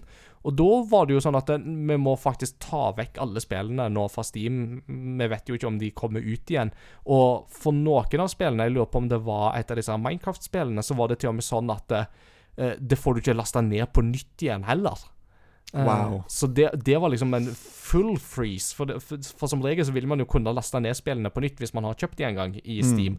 Men med Minecraft uh, uh, Telltale Series så var ikke, ble ikke det engang mulig. Wow. Ja, altså det, det- det er jo noe å si også hvis piratkopiering blir den eneste muligheten du har til å spille et spill. Mm. Nei, eh, vi har jo hatt en lang og god samtale nå. Jeg tenker det at eh, vi runder av den temadelen. eh, og så får vi komme tilbake til liksom, de mer juridiske tingene rundt det med piratkopiering ved en senere anledning, hvis, eh, hvis temaet skulle by seg. Jeg tenker at nå tar vi en bitte liten pause, og så skal vi høre litt fra våre lyttere. eh, der da vi har stilt spørsmål om hva spill som eh, er litt lite tilgjengelig i dag, som du skulle ønske var litt mer tilgjengelig for det gjengse publikum.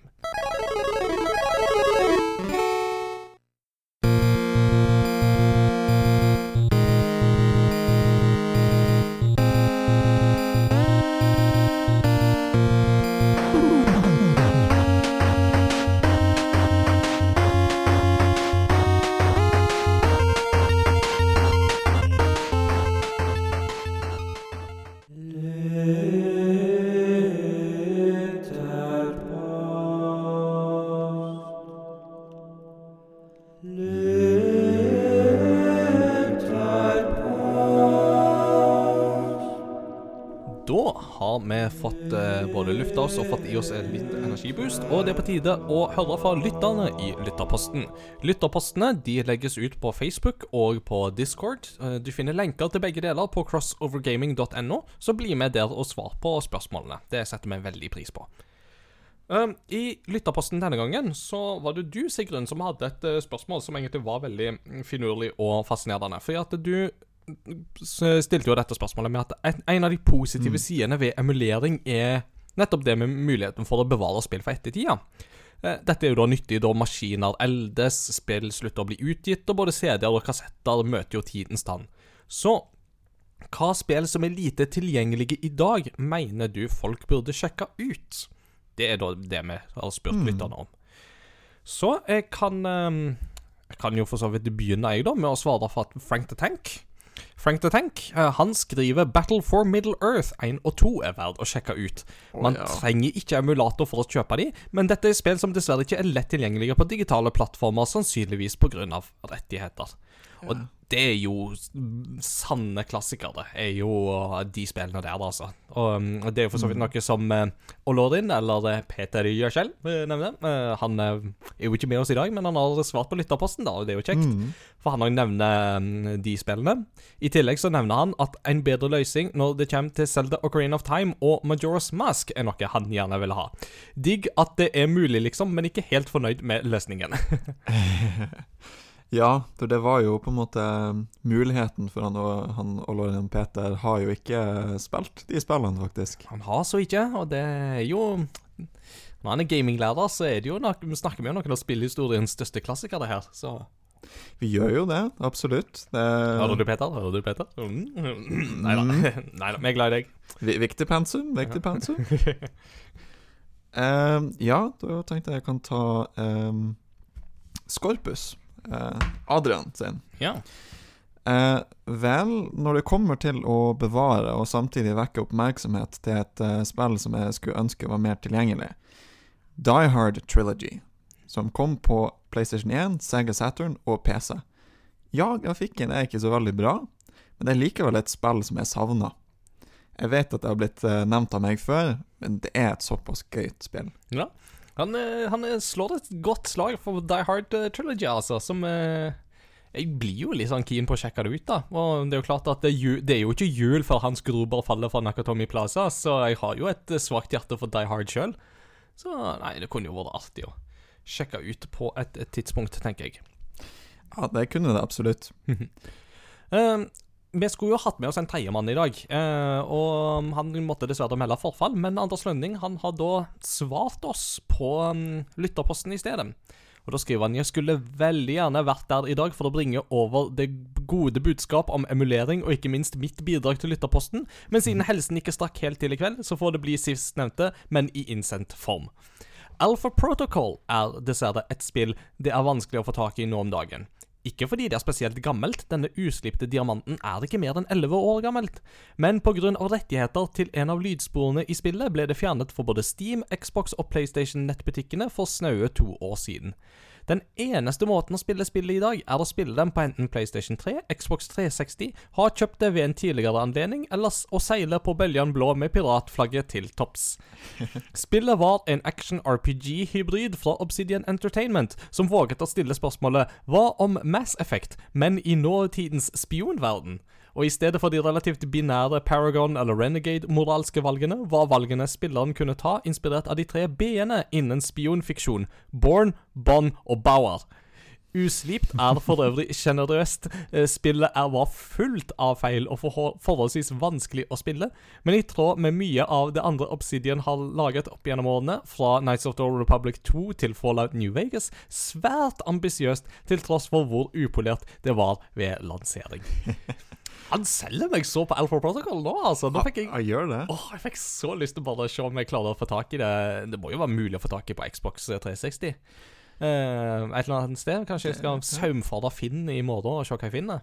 det. Det må jo være det, og jeg tenker jo sånn um Jeg sleit meg jo gjennom Fallout New Vegas med en kopi der jeg måtte save hele tida, fordi hver time så krasja spillet. Det skjedde en gang i timen, på klokka, liksom. Det er nesten som denne klokka i Majora's Mask, det som har én time gir deg én time. Ja, og så eh, var det en veldig interessant en som jeg fant fra han, eh, han Godspark, eh, Mhm. Jon Vegard. Mm. Eh, Tecmo Cup til Nes er en vestlig variant av fotballspillet Captain Tsubasa. Ja. Tenk Sheldon Soccer. I'm, I'm game. Med like heftige animeskudd, men uten de typiske animefigurene. Først så må man spille mot åtte lag med hver sine stjernespillere. Etter det her så får man alle disse på et nytt internasjonalt topplag, hvor man møter enda sterkere lag. Jeg vil tro det fortsatt kan gi en god spilleopplevelse, til tross for enkelte uforklarte spillmekanikker. Det hjelper nok også ikke eh, spille Det hjelper nok også ikke å spille spillet på spansk som sjuåring. Por qué? Por qué, Maria? Eh, spillet er dessverre ikke tilgjengelig på offisielle kanaler, så langt jeg vet. Mm. Det er jo synd, da. Men uh, det òg hadde jo vært veldig gøy. Um, apropos Captain Tsubasa, så kom det jo et eh, nytt spill i den serien. Jeg tror det var nå i sommer faktisk at det kom ut. Ja, ja. Så det var jo Fikk bare sånn helt OK eh, kritikker, men, eh, men Captain Tsubasa lever fortsatt, faktisk. Mm. Eh, helt til slutt, for min Eller eh, du har jo en til etterpå, men Mm. jeg tenkte jeg skulle lese Christian Koblesopp sin. Eh, nå var folk så flinke til å svare sånn på tampen av før vi skulle spille inn episoder, at jeg ble så glad at vi bare leser i vei svar. Eh, Christian Koblesopp skriver Jeg vil slå et slag for Metroid Zero Mission. Det er tilgjengelig digitalt på Wii U, men bortsett fra det må man betale blodpris for å få tak i kassetten. Det er en nydelig liten Metroidvania på Game Boy Advance som alle burde ha prøvd, uansett om du tror du liker utfordrende action-plattformspill eller ikke. Det eneste aberet er at måten det forteller hvor du skal dra videre på, kan føles litt um, klønete, eh, spesielt etter å ha spilt Metroid Dread. Bortsett fra det er det helt fantastisk på alle fronter. ja, veldig gode tanker der. Jeg, eh, jeg tror faktisk jeg har spilt eh, litt Zero Mission når jeg emulerte Ja. Game Boy Dance. Jeg har de hylla her på japansk, da, så for Mm. den japanske utgaven er vesentlig billigere å kjøpe når man er i Japan. Ja. Det, det, kan, det kan jeg skjønne. Mm. Så da er det Espen Tveit til slutt. Mm. Eh, var det noen som sa anledning til å nevne Wave Race? Wave race! Burde lage en jingle til det. Eh, da sier jeg Wave Race 64.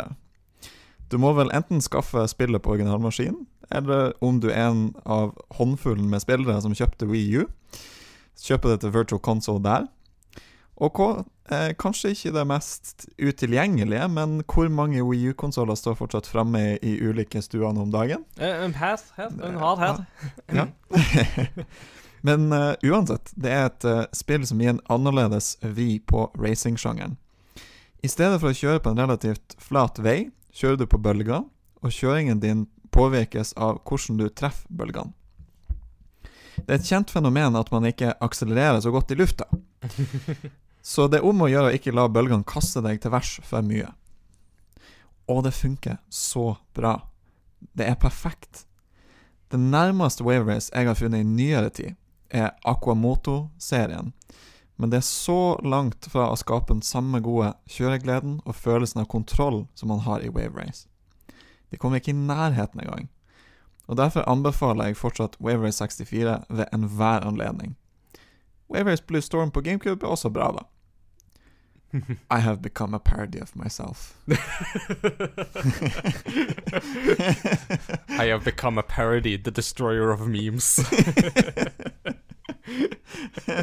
uh, nei da. Det- Vi elsker wave racinga di, Espen, akkurat som at vi elsker F-Zero-ringa til Sigrun her. Uh, speaking of uh, F-Zeros and whatnot, um, hva spill um, kunne du tenke deg, Sigrun? Er det F-Zero du slår et slag for da, eller er det noe annet? Eh, det, det var som en av mine honorable mentions. Ja. En av mine sånne fine ting å nevne alltid med bakhånd. Um, F-Zero X er jo min favoritt, men nå kommer det jo forhåpentligvis i en god emulert versjon. Mm. Um, men F-Zero GX fra Ja. GameCube, Mm. den er heller vanskelig å, å få spilt i dag. Med mindre du har en GameCube å, å ha spillet. Mm. Det har jo jeg heldigvis, da, men uh, for, for andre som vil prøve det, så er det litt utilgjengelig. Um, det jeg tenkte på eh, som var min to, mine to sånn hovedsvar, utenom de her honorable mentions, eh, var eh, Hybrid Heaven. Ja. Det, Eh. dette her det fantastiske eh, Nintendo 64-spillet med Kojima som produsent, som du nevnte en gang i en lytterpost. Ja, eh, det er ikke offisielt Kojima, men han skal visst ha hatt en slags rådgiverrolle, og det er teamet bak Metal Metal Gear, Solid Mm. som, eh, som lagde det. Um, så du får en veldig, veldig sånn Kojima-inspirert historie. Eh, blant annet med aliens, eh, menneskehybrider, derav tittelen Hybrid Heaven. Mm, of course. Um, og i den ene tvisten etter den andre, som er litt sånn typisk for Kojima sin stil. da. Eh, gameplayet er jo eh, tankskontrollene fra Tomb Raider, blanda med et kampsystem som er en blanding mellom um, Final Fantasy og um, uh, wrestling. uh, det, det er på en måte sånn halvveis turbasert, og så stopper det, og så kan du gjøre et valg. Altså der, du, der du kan bevege deg i retning eller fra fienden, og så kommer det et valg på skjermen der du kan prøve å grapple og gjøre en suplex, eller Wow. sparke eller uh, slå. Så et veldig, veldig rart og spesielt spill, og man skjønner på en måte hvorfor det, det verken har fått en oppfølger eller um, blitt tilgjengelig senere. Og det er på en måte Grunnen til at jeg valgte det, er at eh, det er et eksempel på et sånn type spill som aldri, mest sannsynlig, aldri vil dukke opp i en sånn um, um, virtual console-løsning, eller i den løsninga som Nintendo går for nå. Mm. Um, det andre spillet som jeg tenkte på, var eh, Shining Soul-serien. Ja. Som er en spin-off av uh, Shining JRPG-serien. Uh, den var på Gameboy Advance, Mm. og det er ingen virtual console av det. Det er ja. ikke noe porting. Kan ikke spille det. Men um, det er mer action-RPG enn en typisk JRPG. Uh, isometrisk 2D ovenfra. Mm. Veldig Arkade-aktig, eh, lett og enkelt å komme inn i. Eh, Du må gå inn på banen og trykke på et par knapper for å slå fiender. Mm. Så går du opp i level og ja, oppgraderer eh, eh, karakteren din, med forskjellige klasser, i fin pikselstil. Ja, Stilig. Mm. Eh, når det gjelder sånn honorable mentions, så tenker jeg en av de viktigste tingene å nevne er jo det med lisensierte spill. Mm. Eh, altså, det som har lisensiert musikk. Eh, Need for Speed Underground, for eksempel. Mm. Eller Fi- Fifa Street. Mhm. Eh, noen av de her, de her spillene som brukte lisensiert musikk, eh, det er heller vanskelig å, å få lisens på igjen. Mm. Ikke sant. Ja, spennende. Um, jeg kom jo på et par titler som eh, jeg Altså, jeg vil ikke liksom anbefale de sånn direkte, men jeg skulle gjerne ønske at de var litt tilgjengelige. For når det ble snakk om Kojima Jeg skulle veldig gjerne hatt lettere tilgang på Snatcher og Police Knots. Mm. Uh, nå har jeg jo faktisk lånt en bidragkopiert uh, utgave av Snatcher til Sega Mega CD av Mats Jakob. Mm. Uh, men eh, fordi jeg mangler en um, Jeg mangler en kabel, så har jeg ikke liksom fått kommet i gang med å faktisk få spilt det. Eh, men så, så, dette er jo to spill som jeg tror veldig mange ville hatt glede av å på en måte gjenoppdage. For jeg har skjønt at det er to spill som på mange måter absolutt har holdt seg, iallfall sånn når det kommer til stemning og story og skrivinger og sånt. Og det er jo eh, Det er jo ikke noe problem å liksom bare tagge på liksom Hideo Kojima-navnet på dette, og så eh, vil jo folk bare sånn oh, Kojima, tell me more. Um, Ah. Så mm, det to spill jeg veldig gjerne skulle ha sett i en sånn relansert utgave av et eller annet slag, eh, som eh, har vært notorisk utilgjengelig, iallfall for oss her i Europa, da, eh, på Mm. lovlig vis. Eh, men hvis vi liksom skal snakke om liksom sånne spill som jeg har spilt, og som jeg skulle ønske var litt lettere tilgjengelig i dag, uh, så er det et spill som jeg tror på ingen måter at det har holdt seg, eller noe sånt, men det er et spill som jeg har gode barndomsminner med, og det er Backpacker-spillene. Og da særlig Backpacker 2. Ah.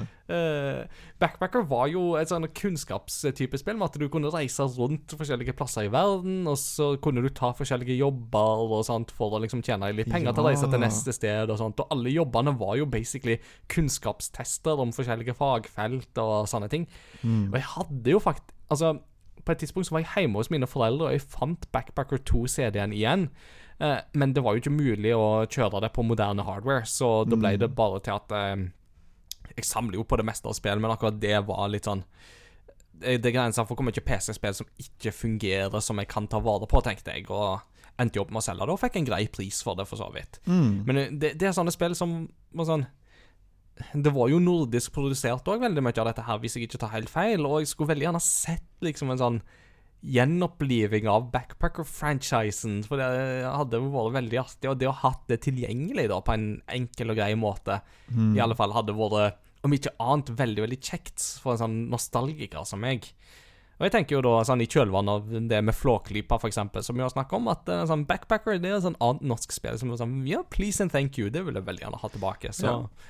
ja. Nei, det, det, det husker jeg. Jeg hadde Backpacker 3, jeg. Ja.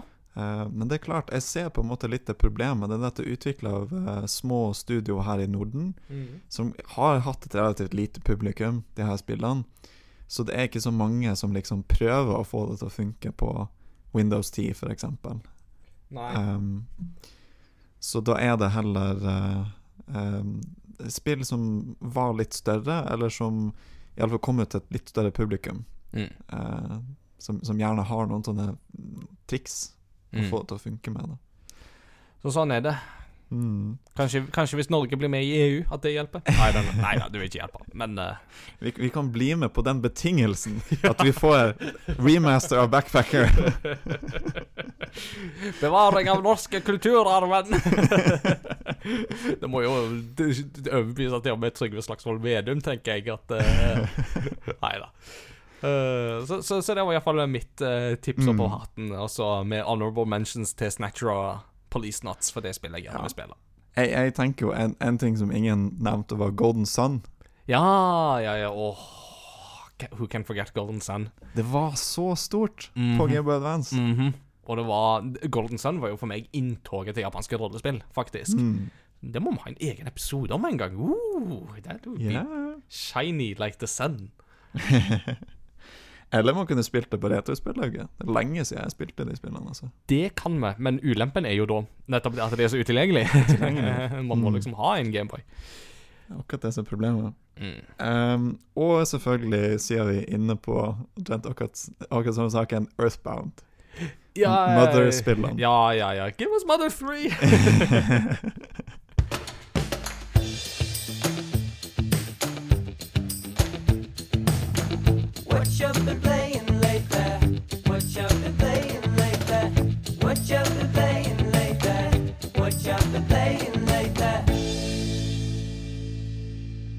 All.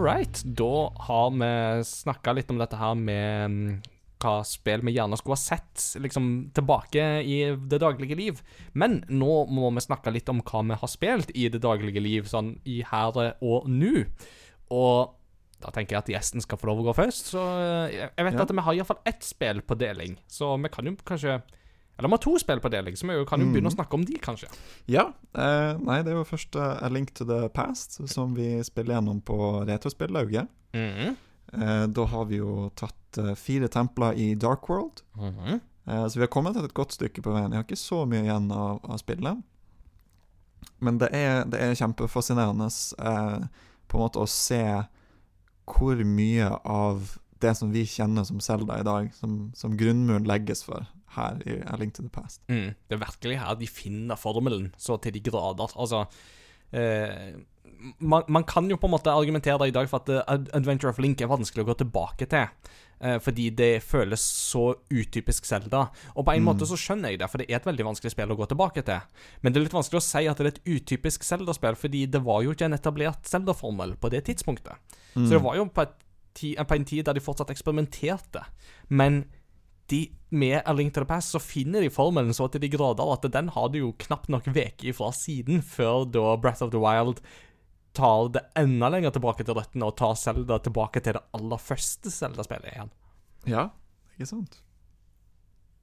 Um, nei, så det, det, det har vært en god opplevelse. Nå Mm. får vi se hva det, hva det neste spillet blir etter hvert. Um, et, par, et par møter igjen, et par samlinger igjen. Um, det er jo blitt litt sånn am- amper stemning da med, med Ocarina of Time. Det var jo en idé som eh, mange av oss tenkte på når Oi, nå blir Ocarina of Time veldig lett tilgjengelig. Mm. Men er det virkelig verdt det å spille gjennom en dårligere versjon?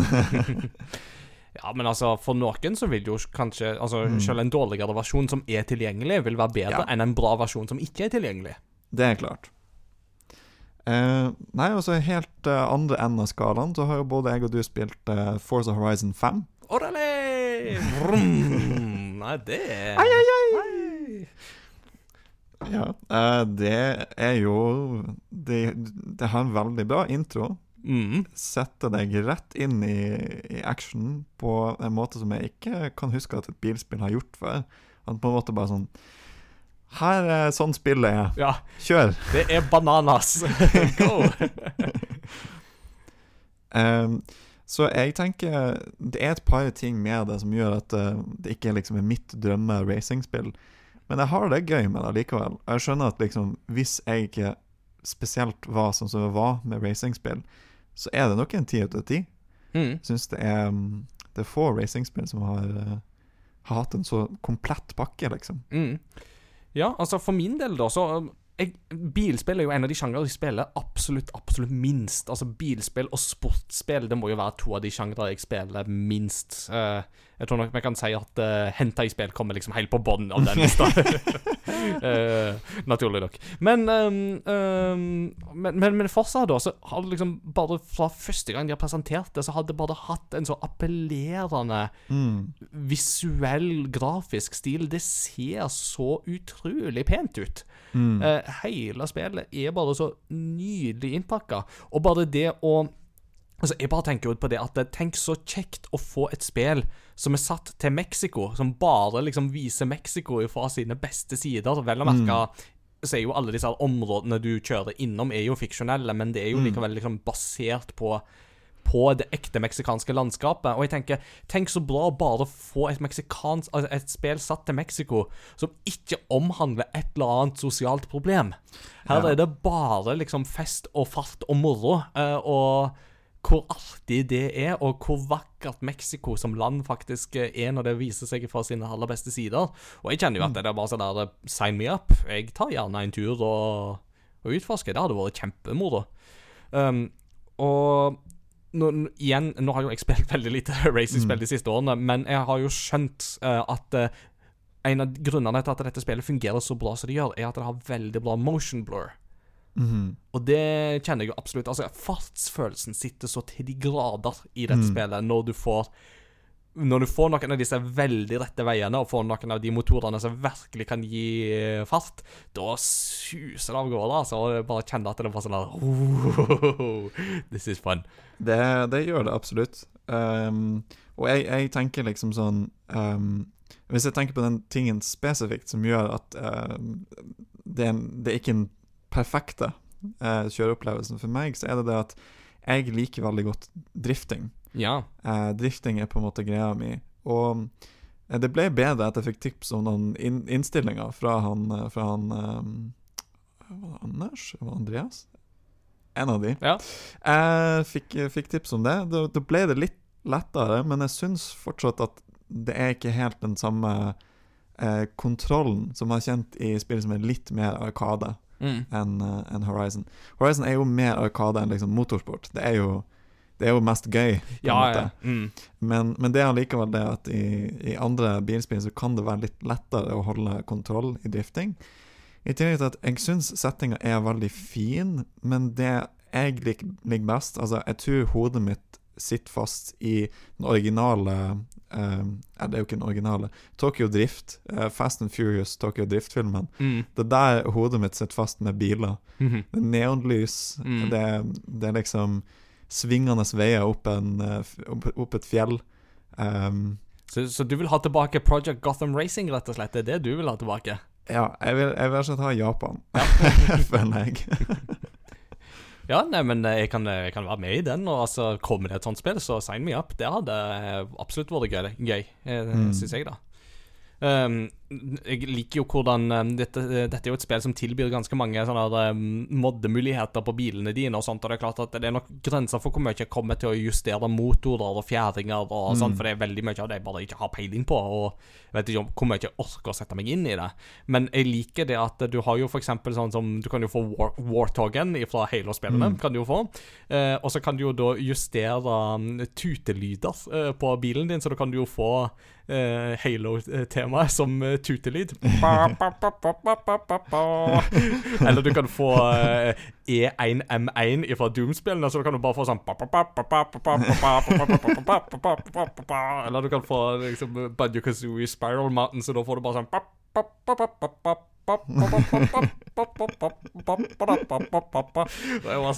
det er jo bare helt fantastisk humor. Det, det, det er kjempebra. Ja, det er helt nydelig. Og det er sånn Du kan jo òg få um uh, The Art of Worlds-temaet kan du òg faktisk oh, yeah. få som tutelitt, Så uh, mange, mange muligheter, rett og slett. Ja. Nei, jeg, jeg husker at jeg fikk den DJ-lyden, sånn scratching. Ja. Så da eh, kunne jeg høre på radioen og så sette inn Jeg kunne sette inn DJ-lyder når jeg ville. Eh. Hva syns du om radioen, forresten? Em, jeg er ikke en så stor fan av radioen. Det, det er en del av de kanalene som er liksom sånn Musikken bare treffer ikke meg. Nei, jeg er, Um, jeg er litt enig der. Det var én ting jeg faktisk likte bedre med Cyberpunk 2077. Yes, enig der. Mye av musikken i Cyberpunk er faktisk ganske bra. Ehm, um, Sjøl liksom den der sangen som, eh, som, spiller når du er i Voodoo Boys-territoriet. så det er en sang på fransk der den heter vel også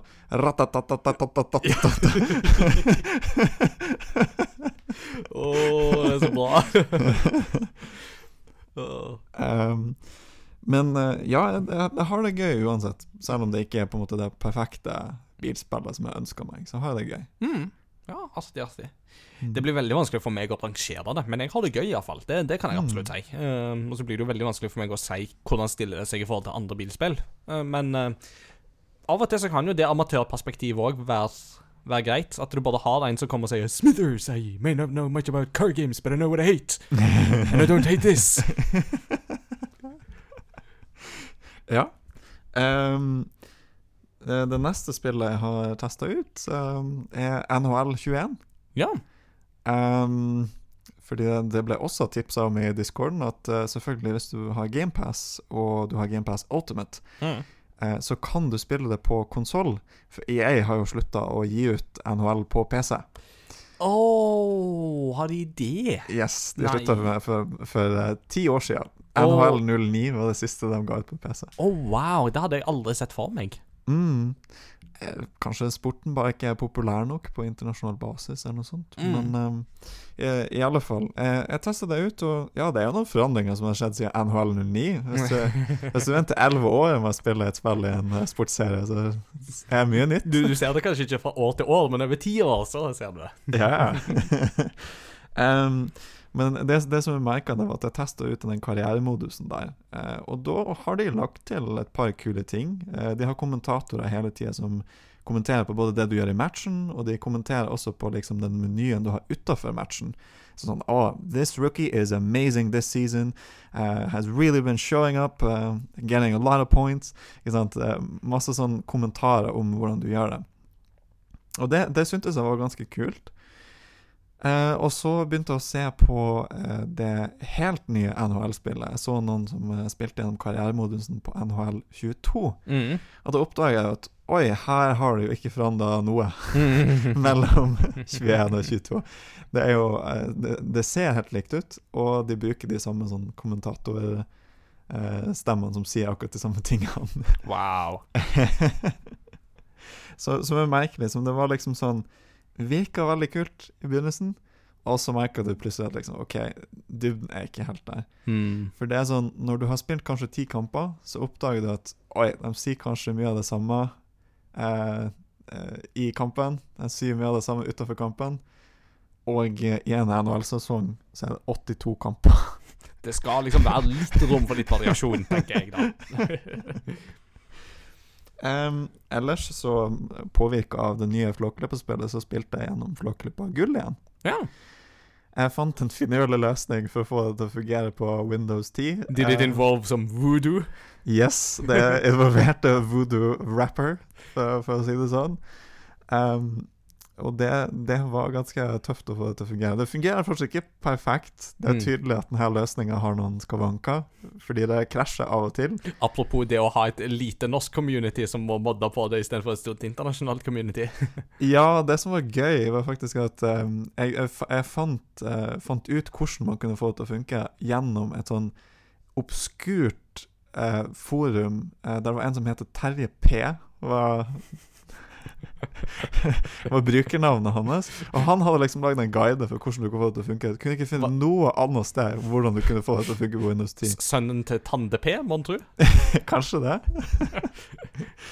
Men eh, i alle fall Og Onkel P? Er ikke det eh, òg Onkel P, ja. Og så har du hacka den Terje P. Eh, men han hadde iallfall funnet en måte å, å gjøre det på, gjennom det med, med voodoo rapper. Og da var det også noe som, noe som du trengte til, jeg husker ikke hva det var, som han hadde måttet bedt noen sånne russiske hacker på et russisk forum om å lage for han. for å få det til å fungere. Og det er jo en uh, historie i seg sjøl. Ja, det, det virker ganske knødd, da, hele den prosessen. Uh, men eh, jeg fikk prøvd det, og det var jo gøy på den måten at nei, det er 20 minispill, ikke bare 10. 9! 9 det, det er 20, 20 pluss minispill, faktisk, Mm. som er, er gøy.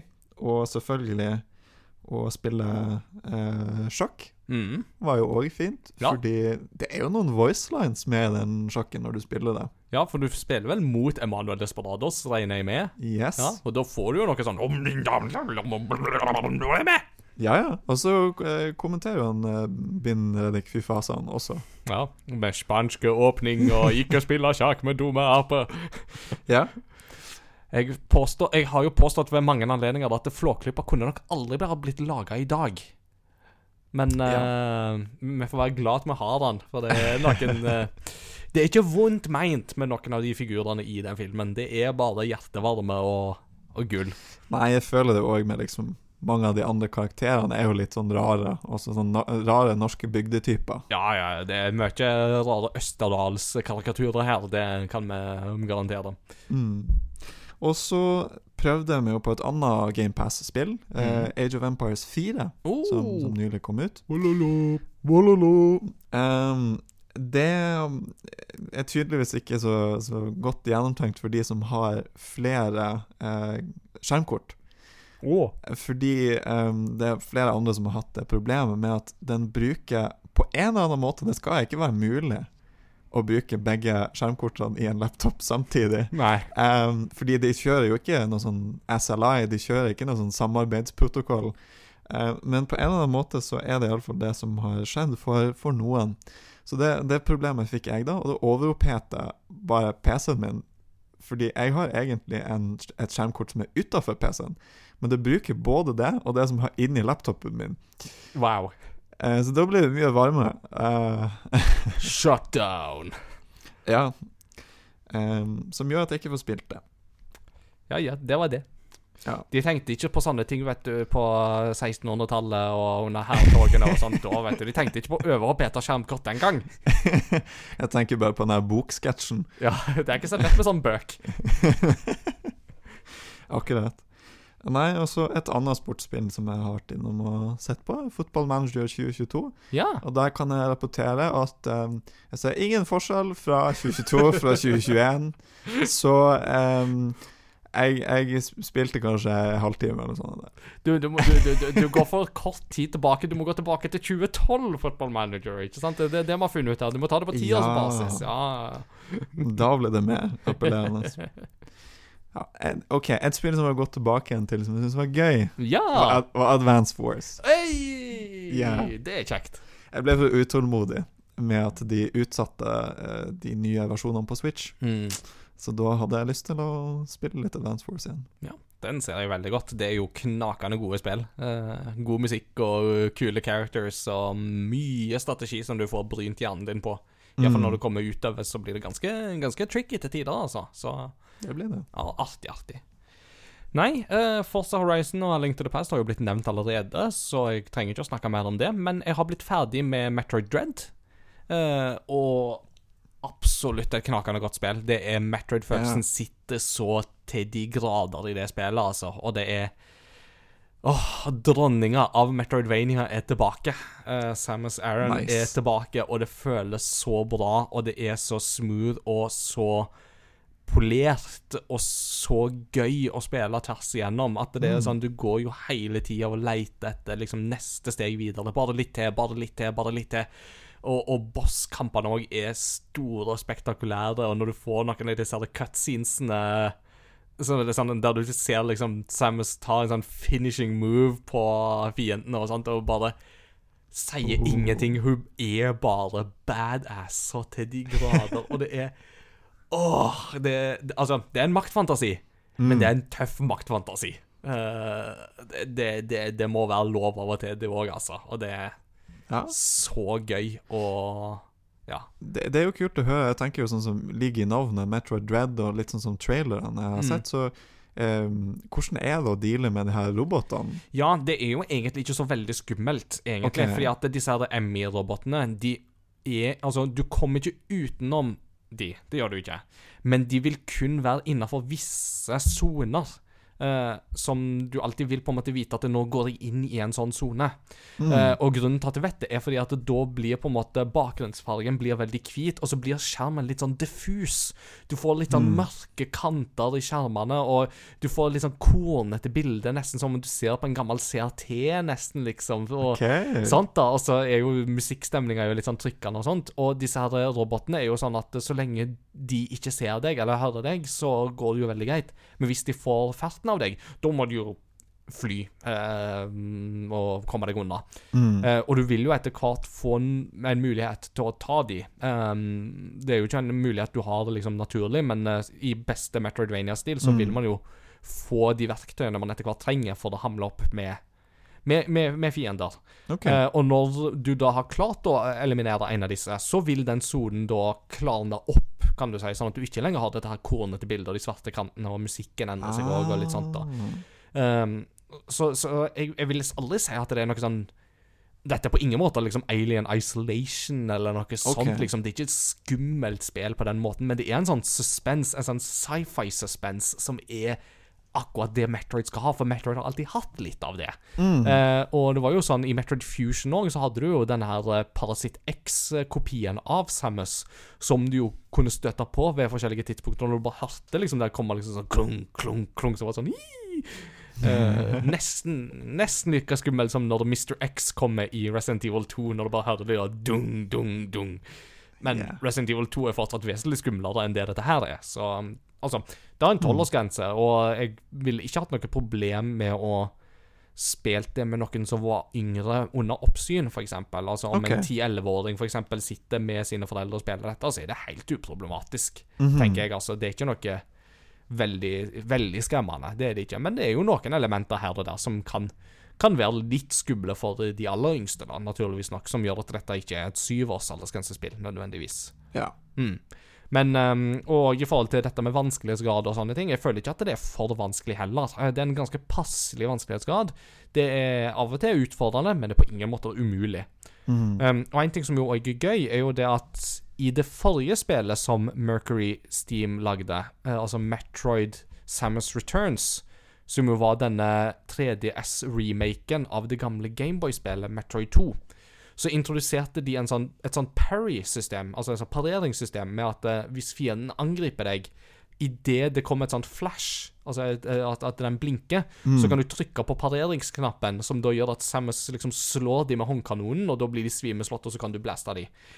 I Ah. Samus Returns så ble den funksjonen brukt litt for mye, at alle fights nesten kokte ned til det. Her så har de balansert det veldig mye mer. Så det pairing-systemet er fortsatt til stede, men det er ikke overbrukt på samme måte. Det er mye mer variert og fleksibelt kampsystem her. Og fiendene òg er mye mer varierte og fleksible, som jo òg gjør det veldig, veldig mye gøyere. Så definitivt et, eh, en Game of the Year-kandidat. Uh, så um, kan varmt anbefales. Dette er ja, Metroid på sitt beste. Og Metroid på sitt beste, det er kjempebra. Ja. Får se om vi får tid til å spille det før året er over. Mm. Vi får se. Ellers så putler Putle da går fortsatt med The Messenger, uh, som jeg jo tror jeg snakket litt om sist gang. Jeg har ikke blitt ferdig ennå, men jeg har kommet et stykke lenger. Uh, og fortsatt så er dette et veldig gøy, moderne retrospill. Uh, absolutt. Eh, så koser meg veldig med det. Det har en fabelaktig um, grafisk stil, og musikken er helt amazing. Humoren er kjempegøy, og gameplayet er veldig teit. Det sitter veldig som et skudd, altså. Alle animasjoner og sånt. Det er jo ikke noen drops her eller der, eller noen ting, så det, det er bare artig å spille, sånn sett, altså. Jeg har jo fått sett uh, litt av det uh, når du streamer Ja. eh, inne på discorden. Mm, jeg streamer det inne på Discord, det er riktig. Og Mm. um, ikke noe planlagt, det skjer bare sporadisk, så hvis du vil få det med deg, så må du bare følge litt med på Discorden vår. Jeg pleier som regel å si ifra når jeg gjør det, da. Så. Mm.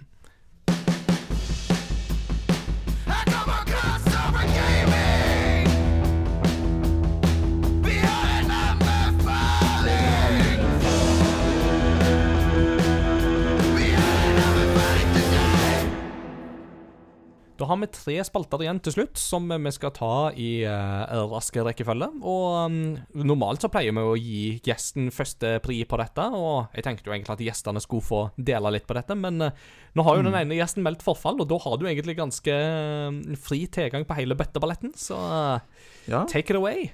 Eh, så eh, den første anbefalingen jeg tenkte på, var en YouTube-kanal som heter Lowest Percent. Ah.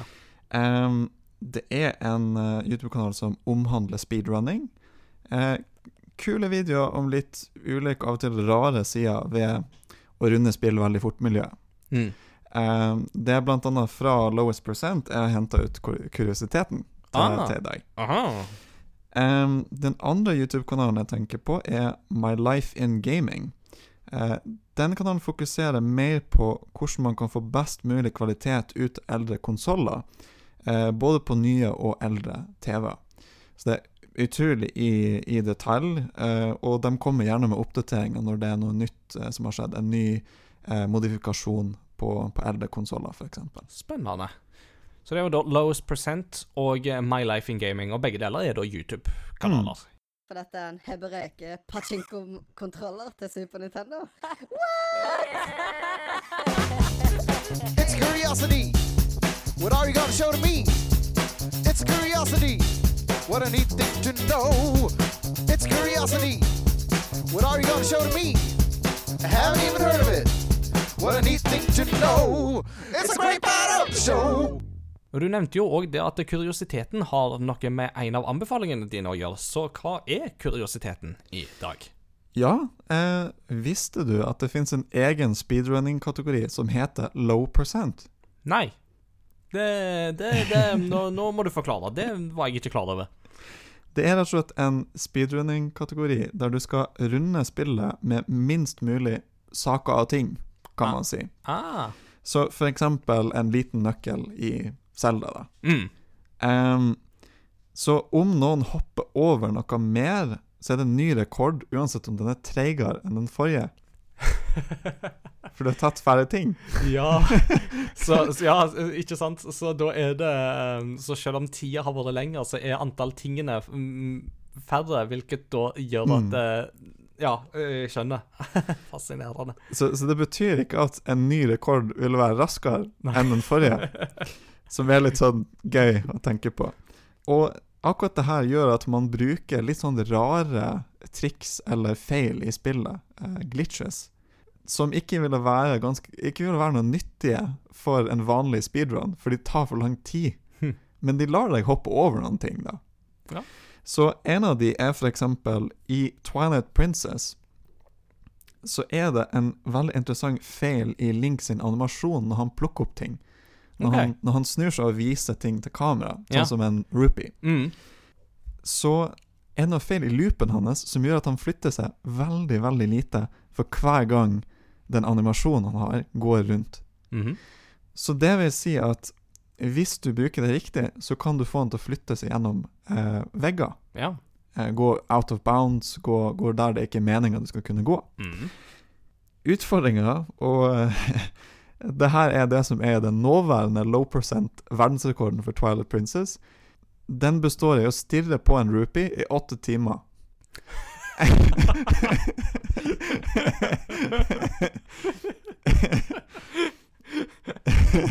OK. For det er så lang tid det tar Link å gå gjennom den veggen som er der. Åh, makan. Så eh, hele greia ble eh, livestreama av han som har verdensrekorden. Han begynner like godt å spille Majora's Mask mens han venter. oh, dette her er for bra. Det er sånn Åh. Internett never cease to amaze. Og her er det òg interessant, altså, man må nesten gjøre det med emulering. For det som er problemet, er at det er litt uforutsigbart hvordan han Link beveger seg i denne animasjonsloopen. Så du kan ikke være sikker på, eh, før det har gått kanskje en time, eller sånt, hvilken retning han beveger seg i. Så er grunnen til at de kjører emulator og bruker en kode for å vise koordinatene. Fordi på den måten så kan de se ah, han beveger seg i riktig retning etter kanskje fem minutter, vil du se det. Ja, ikke sant. oi, oi, oi. Åh, det er imponerende. eh, Og definitivt kuriøst, må vi jo kunne si. Da er vi ved veis ende etter to lange og to breie med masse spennende prat og innhold. Og ikke minst noen spennende titler fra høsten og sånt også, som vi har fått snakke om, så det er jo veldig artig. Vi kommer til postludiet, um, og da Hva har du eh, å by på i dag? Ja, nei, jeg tenkte å velge noe fra noe som ikke er så lett tilgjengelig. Ja. Um, Earthbound. Uh. Så da har jeg valgt sangen 'Sanctuary Guardian' fra, fra Earthbound. Ja, ja, ja. Dette er jo et um, Dette er jo et eh, track som veldig mange vil kjenne igjen, sannsynligvis, fra andre ting på internett. Ja, uten å vite at det her er fra Earthbound, så tror jeg mange vil høre denne låta og høre Hvor har jeg hørt det her før? Eh, fordi den har blitt brukt veldig mye eh, som en memesang Mm. em, når noe rart skjer. Mm. Ja, det kommer du til å merke. Det tar liksom sånn em, 10-20 se- Det tar sikkert 20-30 sekunder i begynnelsen før musikken blir rar. Ja. Og det er litt sånn uh, typisk for, for Earthbound-musikken. mm. Artig, artig. Nei, forhåpentligvis så kan vi kjøre Earthbound i retrospill en gang. Det har jo jeg veldig lyst til, iallfall. Jeg også. Mm. Da tenker jeg at vi sier takk for uh, denne episoden her. Uh, sjekk oss gjerne ut på crossovergaming.no. Der finner du lenker til våre sosiale medier. Du er veldig velkommen til å henge der sammen med oss. Um, jeg tenker òg at eh, du må bare tipse dine venner og kjente om oss. Det setter vi veldig veldig pris på. Om to ukers tid så har jeg med meg Peter, og hvis alt går etter planen, så skal vi òg ha med oss en veldig kjekk gjest. Så vi får bare håpe at alt går som eh, det skal, med tanke på det. Takk for eh, denne gangen. Vi snakkes ved neste korsvei. Ha det bra! Ha det!